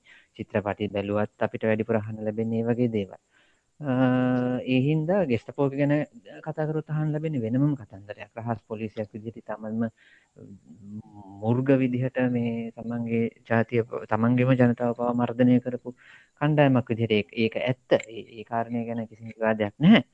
හැබැයි ගෙස්ටපයකටත් වඩා ඔය මිලිටරි ඉන්ටෙලිජන්ස් කියන එක එකෙන හමුදා බුද්ධ්‍යංශ ජර්මණී තිබිච්ච ඒ හමුදා බුද්ධ්‍යංශ තමත්ම සැලකයුතු කාර්භාරයක් කරනවා. මංහිතන්නේ යුද්ධයට කලින් සහ යුද්ධය ඇතුළ අතරවාරේ ඉතින් ඒ ගැන මංහිතන්නේ කතා කෙරෙන්නේම නැති තරම්. ඉතිං මංහිතන අප ඉස්සහට අද්දී ඒ ගැන තවධානයක් යොමු කරන්න මේ බලාපොරොත්තු වෙනවා. මේ මොකද වැඩි දෙනෙ කතා කරන්නේ නැති නිසා. මේ වැඩසටහන් මයිද අද වැඩසටහනේදි මං හිතන්නේ එකට අපිට හොඳ ප්‍රවේශයක් හම්බුණා. මං හිතන්නේ අපි මේ චරිත ගැනත් වැඩිය කතා නොකරන බුද්ධි තොරතුරු සම්බන්ධයෙන් සහ බුද්ධි සටන මෙහිවුණේ කොහොමද කියන එක සම්බන්ධනුත් මං හිතන්නේ අපි ඉදිරියේදී තවත් මීට වඩා කතා කරන්න අපිට අවස්ථාව ලැබෙයි. ඔව්. මංහිතන්නේ එතනින් අපිට අද කතන්දරේ ඉවර කරන්න පුළුවන් මේ නාවික් සටන සහ නාවික් සටන් සහ යොස්සේ නොවේ සටනට ගියාම මංහිතන්නේ ඊට පස්සේ කොහොමත් මාසයක් වගේ ඇතුළත අවධානය සම්පූර්ණයෙන්ම යොමු වෙනවා බටහිර පෙරමුණට. ඔය ප්‍රංශය සහ පහ නිදර්ලන්තය සහ බෙල්ජියම ආක්‍රමණය කිරීමට. ඉතින් මංහිතන අපිට ඊළඟ වැඩසටහනෙන් කෙලින්ම ඒ ගැන කතා කරන්න පුළුවන්. එතකොට මේ කැනෙ නෝවේවල්ට තින් බවධාන ඊට පස් ඇත්තම බොහෝදුරට අඩු වෙලා යනවා. ඊට පස්සේ මේ නෝවේ ගැන විශේෂ අවධානයක් යොමු වෙන්නේ විශේෂෙන්ම ඔය මේ ජර්මන් ජර්මන් ජාතිකයින්ට තිබ්බවර සුපිරි නැව් ආරක්ෂා කරන්න ඔය ෆියෝඩ පාවිච්චි කිරීම සහර බැරජලය කර්මන්ත ශාලාවක් තියෙන නෝවේවල ඔන්න ඔය වගේ කාරණ සම්බන්ධයෙන් තමයි නෝවේ ගැන ඊට පස්සේ යුද්ධේදී අපිට කතා බහට ලක් වෙන්නේ යම් යම් අවස්ථාවල්. කොහරි ඒනම ඔව. ඔව. මහිතන්නේ මේ ලංකාවේ සහ ලෝකයේ වාතාවරණයත් එක්ක ගත්තම ඉතාමත් අඩුවෙන් කතා කරන නෝවේ සහ එකන බ්‍රිතාන්‍ය ජමානු ආක්‍රමණයේ නෝවේ සහ ඩෙන්මාක් අධීරයන් ගැන මංහිතන්නේ අපි විශාල තොරතුරු ප්‍රමාණයක් මේ කෙටි කාලය තුළ මාමහිතන ඉදිරිපත් කරන්න අවස්ථාව ලැබුණා. අපි ඒ සඳහා විශාල ශ්‍රමයක් වැෑකර කරෙත් මේවා ඉතාමත් අඩුවෙන් කතා වෙන දේවල් හින්දා. මං හිතන්නේ මේ මේ හම්බෙන රෙෆරන්සස් මේකින් අපි කියන දේවල් ගැන තවත් හොයල බලන්න හැකියාව මං හිතන්නේ ශ්‍රාවකයන්ට තියෙනවා. මේ ගැන තවත් අන්තර්ජාලයෙන් තොත්තුර ලබාගන්න පුළුවන් පොත්පත්වලින් ලබාගන්න පුළුවන්. ති මේ ගැන උනන්දුවත් තියෙනයට මං හිතන්නේ මේ කොහොඳ පිවිසුම් ලක්ෂයක් වෙයි. මේ නෝවේජයන් සහ ඩෙන්මාර්ක් කැම්පේන් ගැන හොයද්දී. එනම් පොත් ගැන කියපු නිසා සුපුන් එක වචනයක් කියන්න සාමාන්‍යෙන් අපි හැමදාමත් කියනවා වගේ මමත් අර දෙවන් ලෝක යුද්ධය ගැන කියවනවනං මූලික දැනුමක් ලබාගන්න මං හිතන්නේ ඉංග්‍රීසියෙන් කියවනවනම් සිංහල පොත් කන්න ඇතර ම දන්නේ ඔය කැනෙ දිවන් ලෝක යුද්ධ විධාකාර විවිධාකාර පොඩි පොඩි තැන් ගැන කතා කරන්න පොත් තියෙනවා. නමුත් සම්පූර්ණ කතාව ආවරණය කරන සිංහල පොතක් තියෙනවද කියන්න මනන් දන්න ඉංග්‍රීසි පොත් ගත්තොත් සාමාන්‍ය ඕවරෝල් ස්ටෝරීක ගන්න සම්පූර්ණ කතාව දැනගන්න පටන් ගන්න කෙනෙත්ට හොඳම් පොත තමයි මං හිතන්නේ මම විශවාස කරන විදියට rise and fall of third Reich කියන පොත විලියම ෂරගේ ඊට පස්සේ නම් ඒ ඒ පොතේ තියෙන සමහර කාරණ මේ විද්‍ය අභියෝගයට ලක් තියෙනවා. ඉතින් තව කියවන්න ඕනේ. ඒක විතරක් කියවලා මේ මේ ඉතිහාසය කතා කරන්න බැහැ ඊට පස්සේ මං හිතන්නේ මාටින් ගිල්බර්ට්ගේ දෙවන් ලෝක යුද්ධය ගැන තියෙන පොත බොහොම හොඳ පොතක්. ඊට අමතර තව පොත් හුඟක් තියෙනවා. ඉතිං අපි පුළුවන් වුණොත් ඇතරම පුළුවන් වුණදම ඇතන අපි ෆේස්බුක් පේජ් එක ඉදිරියේදී ඒ වගේ රෙෆරන්සස් ටිකක් ගැන යම් යම් විස්තර ටිකක් පල කරන්න බලාපොරොත්තු වෙනවා. ඒන්ද මේ ඒ මොකද ඒක වැදගත්? මොකද මේ අපි කතා කරන දේවල් විතරන්නෙමේ තුගත් දේවල් තියෙනවා කියවන්න සහ දැනගන්න. ඒවගේම ඕවට සම්බන්ධ ෆිල්ම්සුත් හැදිලා තියෙනවා. ඒ හුඟක් ඒවා මංහිතන්නේ වාර්තා චිත්‍රපටිත් තියෙනයි වගේම මේ ප්‍රබන්ධ චිත්‍රපටිත් තියෙනවා. ඉතින් ඒ ඒවත් වැදගත් වෙනවා. ඒ පසුබිම තේරුම් ගන්න මේ ඒකත් මං හිතන්නේ හුඟක් වැදගත් කියල මං හිතනවා. හරි. එනම් අපි අදට වැඩසරහන අවසන් කරමු. චානුක ඔබට බාරයි. හරි එහෙනම් බොහොම ස්තුතියි. ඔබ දෙපලට මදත් පිත්ත එක එකතුනාට මේ වෙනසරහන බොහම හරවත්ව මේ කරන යන්න. මේ මතක් කරන්න අපේ ෆේතුක් පේච් එකට ලයි කරන්න ලයි කර නැතිකට්ටිය වගේම අපි දැන් මේ වැඩසටාන පොඩ්කාස්ට් හැම පලටෆෝර්ම් එකටම වගේ බ්‍රොඩ්කාස්ට වෙනවා. එනිසා ඒවත් ඒවතුලින් හන්න කැමතියට එහෙමහන්න පුළුවන්. ඒවගේම මේ ඔබේ ඉල්ලිම් මතම අපි YouTube චනලයක් ආරම්භ කලා ලෝක ඉතිහාසය කියලා. සබස්ක්‍රයිබ් කරනත්තන් එක සබස්ක්‍රයිබ් කරන්න. ඒගේ මේ වැඩසටහන ගෙන තියෙන ඔබේ අදහස් යෝජනා චෝදන අපිට අපේ ෆෙස්බුක් පිට ඔස්සේ යොමු කරන්න බට පුළුවන්. එනං ප්‍රර්ථන කරන්න සුබරාත්‍රයක් එනං මෙසදරීගෙන ඉදල් සතිවර්සරණය හමුව